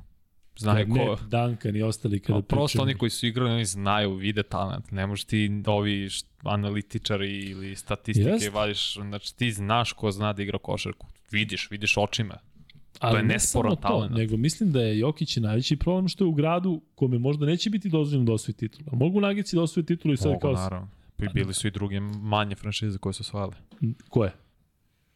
Nemoj da kažeš Cleveland, molim te sa Lebronom. To je potpuno drugačija priča zašto imali Ne, Lebrona pa koji do, on- Toronto je svoje. Mislim, nije Toronto, Toronto, je... zato što je ovaj Ujiri na, napravio tim za tu jednu sezonu. Jedna sezona, sve je podredio tome i neće više ni, ništa uraditi ko zna do kada. Tako da jeste, pravo si, dakle Raptors je, ali drugo, znaš šta se desilo sa Golden Stateom Milwaukee je mali seriji. grad. Jeste, ali imaju Janisa, koga svi gureju kao ne znam koga. Ti, ga, ti kažeš da najbolji igrač u, u, u NBA ligi. On zaista igra fantastično. Možda je malo u drugom planu zato što nema toliko jake statistike, ali on i dalje ne- prvi u Kia ovoj MVP. Nije, nije Jokić. Nije, a? Jokić, a nije, uh, nema pobeda, malo sad počeli da gube, Janis ubacuje da. 40-20 I nije igrao sam i onda se poslednje. ne, po, ne pominje to. Da, Ali ovo Luka šta radi su u pobedama. tako. Dallas pobeđuju, njima je neophodno svaki njegov poen. To Da, protiv da. Nixa u, u produžecima što je bilo u Dallasu i ono slovno bacanje kako izvede, pa posle protiv San Antonija isti način, to je, to je kožarkaški genije. Ja ću sada da izjavim ovde u 23.44 2. januara sledeći. Može Ajde. Prviću koji će da otvori tu polemiku. Da, Jokić i Donić, to će se pojaviti za 3-4 godine. Treba, u jednom trenutku će doći da budu u razgovoru za najbolji igrača svih vremena. Pa je šta ti kažem? To će doći vremena. Dakle, znamo da tu fale titula. Ovo ima 23 godine, ovaj e, 27. Ali u jednom trenutku će morati da se ost- ostvori titula. Da više nisu u, u, razgova, u razgovoru za GOAT samo Jordan, LeBron, Kobe, Durant i na one stare Kajle, već će morati jednostavno da stave Dončić i Jokić. Hteli to da prihvate ili ne? To jednostavno će morati, oni će to nametnuti svojim brojkama, svojim igrama i, i partijama. Tako da eto, ovaj, da budem prvi koji će, koji će da otvo- otvori tu polemiku, zato što ovo zaista nije viđeno ranije. Ako jedan Greg Popović kaže, ovo nismo imali ranije. Dakle, Nismo tako samo ću staviti jednu začkoljicu na to. Od, odbrane su mnogo slabije sada i pre 10, 15, 20, 25 godina. 30. Ali to je normalno zato što su igrači mnogo brži. I ti kad imaš jednog Melona sa onakvim mišićima, kad imaš jednog Stocktona koji onako drži loptu, kad imaš jednog koga god. Znači, evo danas, znaš, meni drugar Sistemski je drugačije. Jeste, ali Druga nam je- da se igra brzo kad imaš čoveka koji daje sa pola 10-10 Pa, pa upravo to. Uh, mnogo više šutiraju trojke, mnogo se brže igra, mnogo više poseda i zato je zbog toga sve ostvarive ovaka, ovakve brojke. Nije Ali da, ništa da se oduzme od njih. Imaš Jokića koji je spori centar. On je spor čovjek u odnosu na drugi, tako? Upravo. I koji dominira u takvi. To je još... Zamisli jel možda Reket je očišćen. Ali da sam- Jokić igra pre 20 godina, da li bi bio bolji ili gori? Da igra A, sad, da, da igra pre bi 30 i- godina. Ewing, Olajuwon, Mučili bi Dikembe- se s njima. Zato što Misliš? su, znaš za, u kom aspektu? Zato što i četvorke bile tad oko reket, ako ne u reketu. Ako mi razumeš šta, šta, šta da, razumem, razumem. Bio bi on isti igrač. Možda bi brojke bile malo niže i pumpana je statistika sada zbog toga što je otvoren reket, što se mnogo više šutiraju trojke, kaže opet, mnogo više poseda, mnogo se brže igra i zbog toga su pumpane sti, statistike. Bio bi on isti igrač. A Dončić Uopšte. sa svojih 2-0-3 sa ovakvim kretanjem, jel bi, jel bi drugačiji ritam igre uticao negativno na njega? Ne bi. Ko bi ga Larry, čuvao? Bi ga Larry čuvao Bird bi BJ igrao. Armstrong i Stock, Stockton bi čuvali Dončića. Pa ne bi, ne, pa to ti je Larry Bird. Pa da. Isti bi, iste bi brojke, sli, ako ne slične bi brojke imao Larry Bird sad što ima Dončić. Ali to ti je Da. isti način igre. On ih stavlja u svoj ritam. Zato kaže, samo je su napumpane brojke, ništa, talent je, nije, istina nije sporan, samo su brojke napumpane. Ja Da. verujem da LeBron i u onom prvom delu kad je igrao za Cleveland bi imao tri, 35 pojene i triple-double u proseku sada. Da. Jer ti tu vrstu brzine, atleticizma, snage i košarkaškog znanja ne bi mogu zaustaviš. Otvorene, on sad, evo, na rođenje njegov imao 47, 10, 9. Zašto je prazan reket. Collins je, ima 10 kila manje od njega u mišićima. Minimalno. Ovaj, kako se zove backup centar, Okogije, ili kako već se izgovori njegov ime, neko, napiše isto tako. Ne mogu ga čuvaju, iste su visine, samo ovaj ima 20 kila više mišića od njih. I ne možeš da mu ozabraniš reket. Da, da. Unese ti rame, ponese i tebe i, i, i loptu u koš i to je to, i plus dobije faul. To E, razlika. Vanček, da pređemo malo i na istok, tamo Brooklyn zaista igra nezadrživo, koliko misliš da oni iz meča u meč e, postaju onako Sve su neko kome moramo da pričamo o... Sve su opasni. 12. pobjeda za redom. Jeste, jeste, da. Sve su opasni. I tom se baš dobro igraju uklapaju ova dvojica i svi ostali. Kad su košarkaški genijalci. Da, ali vidiš čim je Kairi ostavio iza sebe šta god je bilo ove sezone, šta god inače radi, čim se priča samo o košaci, odmah idu i pobed. Samo da on ovaj, bude Ma, normalan. Ja mislim da je jedan od najgenijalnijih, najtalentovanijih igrača i kad on što može da uradi s loptom, mali, mali, mali broj ljudi je moglo. Meni Ti šute, mislim Kuzma da bi stvarno ti uživo da gledaš to.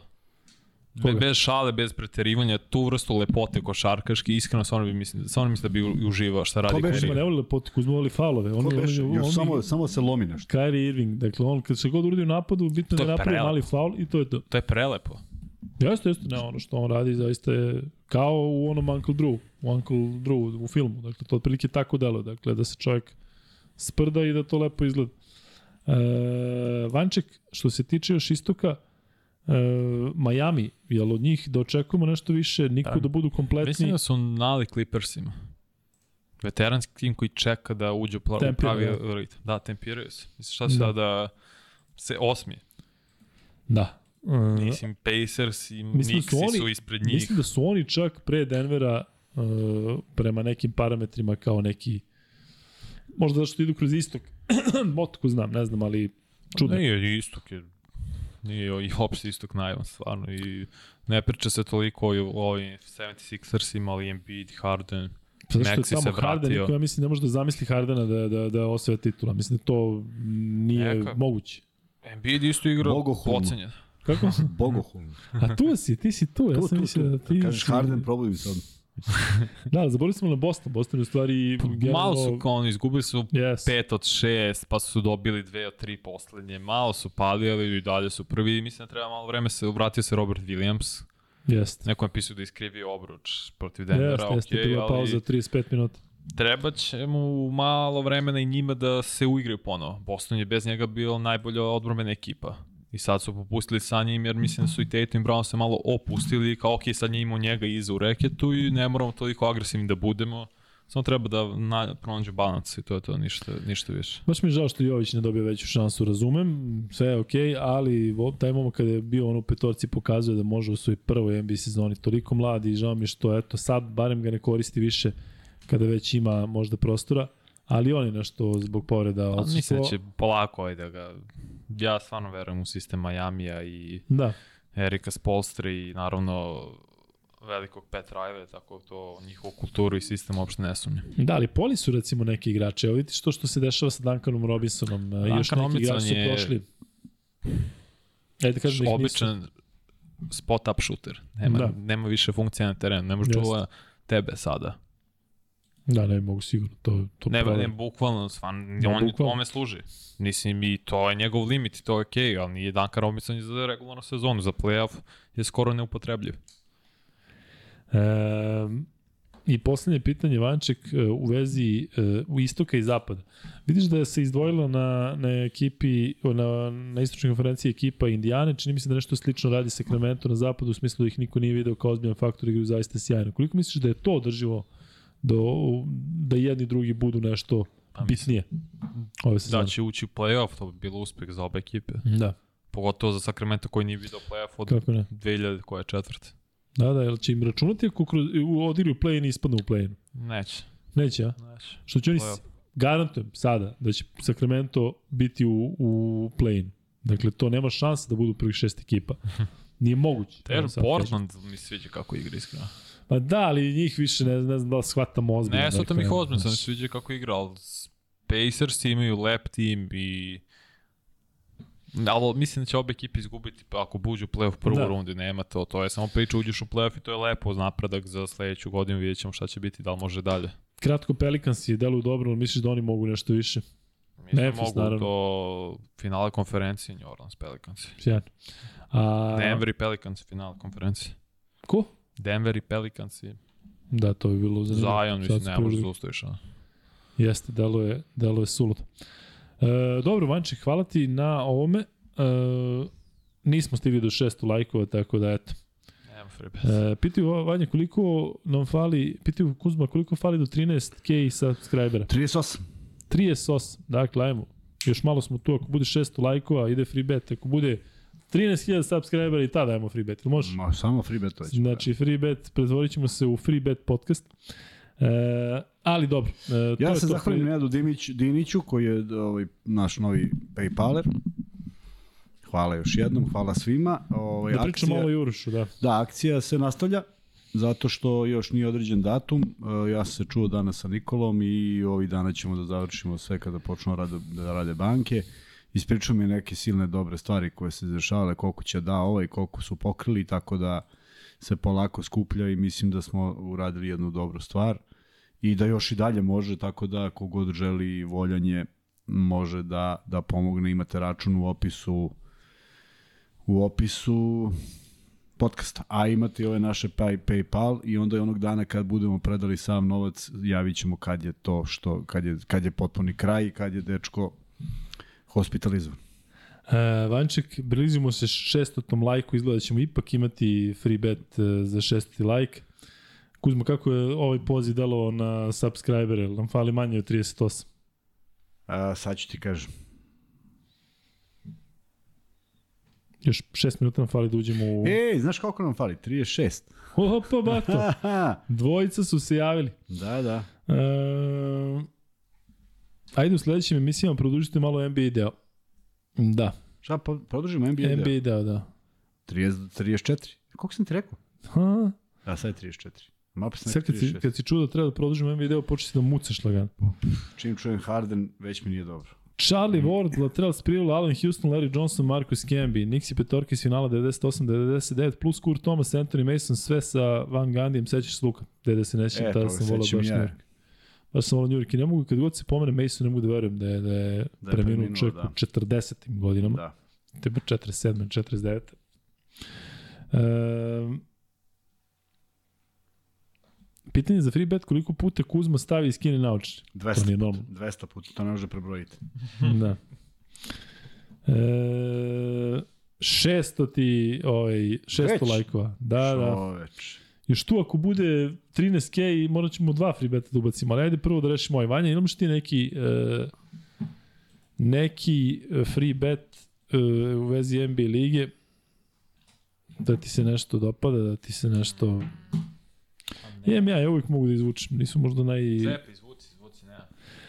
Koja trenutno ekipa u NBA ligi ima najduži niz poraza? U ovom trenutku koja ekipa ima najdužu seriju poraza u NBA-u? I ko prvi odgovori? E, evo, Luka Martinović kaže, ženin, moj i sestrin, kaže, svi, svi lajkujemo. Hvala Luka, imenjače. Da, Luka nam piše ovde. Isto i meni ovde. Da ubrzava proces. Mm, Divno.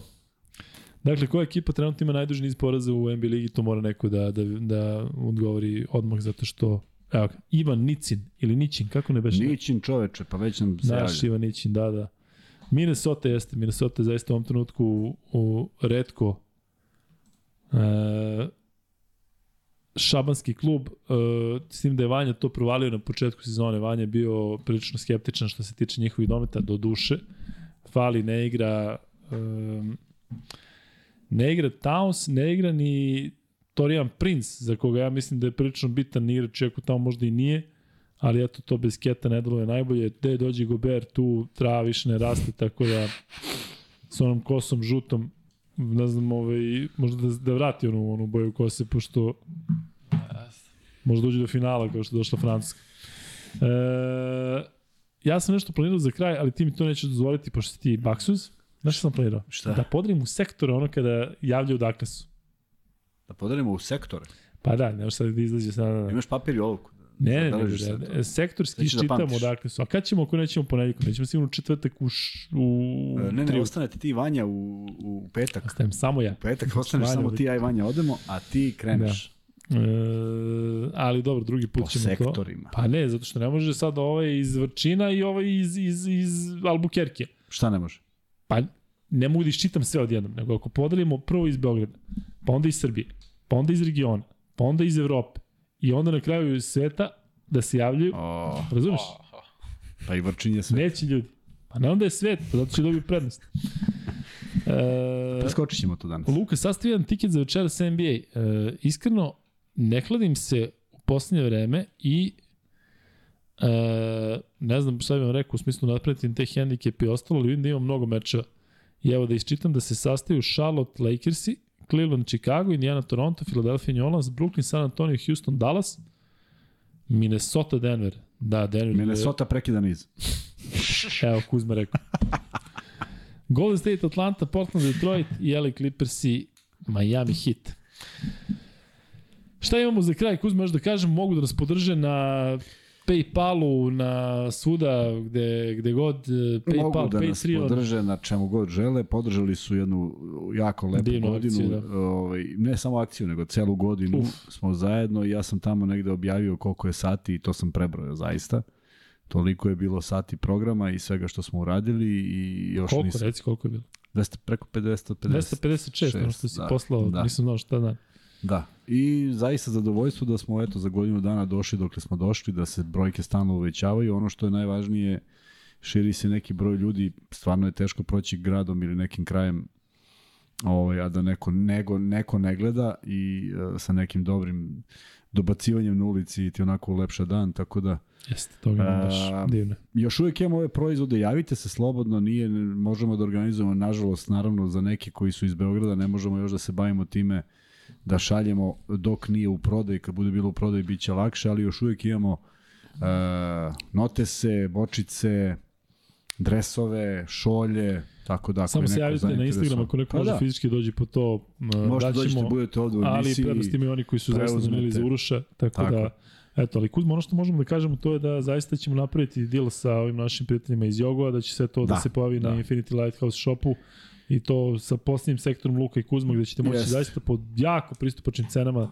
da kupujete ne samo majice, imat ćemo novi dizajn majica i e, izgledat će to drugačije, vjerojatno bolje od onoga do sada, ali imat ćemo Više sigurno će biti proizvoda će jeftinije, biti. bit će mnogo Prosto više. drugačiji stvarno. su uslovi rada i onda Tako, nam je sve lakše svašta da... će biti, tako da. Ali Infinity Lighthouse i Srki i ekipa su već startovali, tako da su napravili fenomenalne kape zimske. Mi ćemo vidjeti od čega ćemo da krenemo, samo da ovaj, krenu, da prođu praznici, da krenemo u ovu novu godinu, jer znate da slede i Božić i ostali praznici, tako da ovaj, nećemo ništa da jurimo, ali ćemo u najskorijem vremenu napraviti spisak u čemu možete nam pomognete, napravit ćemo sličice, pa ćemo ih objavljivati na Instagramu. Ozbiljno, ne ozbiljno, da. Sličice. Napravit ćemo sličice, a vi nam recite šta biste volili da, da, da, da od tih proizvoda. Ne možemo sve, mislim, ima toliki asortiman može. proizvoda da je to...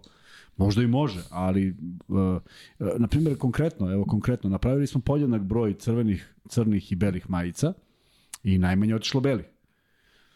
Znači, sledeći put kad pravimo majice, nećemo praviti bele. To nam je neki onako, tako da ne moramo sve ovo da napravimo da bi shvatili da neće proći. To namerno govori zato što sam ja u beloj priznaji. Jeste, Sve da uzmeš još jednu. Sam, Da. E, Kuzma, koliko nam fale, pitaju do 13k, da li ćemo da ispucamo još jedan free bet? 13k nam fali Devetnaest. Kažem ti ja, evo da radimo još neko vreme, sigurno bi moglo. Ali moramo da prekidamo. E, evo, pitanje za kraj za obojicu, šta mislite o Jabariju Parkeru? Mislim da je obojica da misli na meni, ne na tebe, ali Jabari Parker je bio nestvaran talent ja sam njega obožavao, međutim povrede su razlog zbog kojeg sam skeptičan da može da igra na približenom nivou na kojem je trebalo da igra. Da, zašto ga nisam obožavao? Zašto nikad nije razvio šut. Zato nisam mogao da ga ali obožavam. nije mogu da ga razvije kad se jedan povredio već druge sezone, pa više nije mogao, on bi možda ne, napadao ne, jasno mi, nego ta bila poređen s Carmelo Antonijem, na primjer. To mi je Da, jedan od ovih a, što su radili kao NBA draft analize, bilo poređen s Carmelo, rekao, nema, nema taj šut, nema Ma tu nije, nije. tehniku, ni fluidnost kod šuta kao što je ovo imao, to ima ali Bankero. je tip, da. Pa upravo to, zato, nikad nisam zavoleo Parker, mislim da bi bio ok igrač, dobar starter, ali nikad super zvezda, niti on, all-star igrač. Kad će Luka da nosi crvenu majicu? Pa nosio Nosi, je, nego... nosiš ti često. Kaj, nego pere Stalno kombinujemo, da. Da.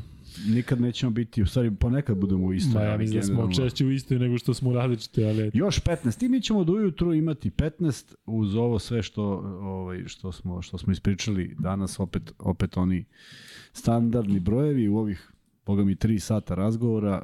Uh, znamo da su praznici, znamo da su mnogi na odmoru, da nisu u Beogradu. Koliko je bilo ljudi u lajvu?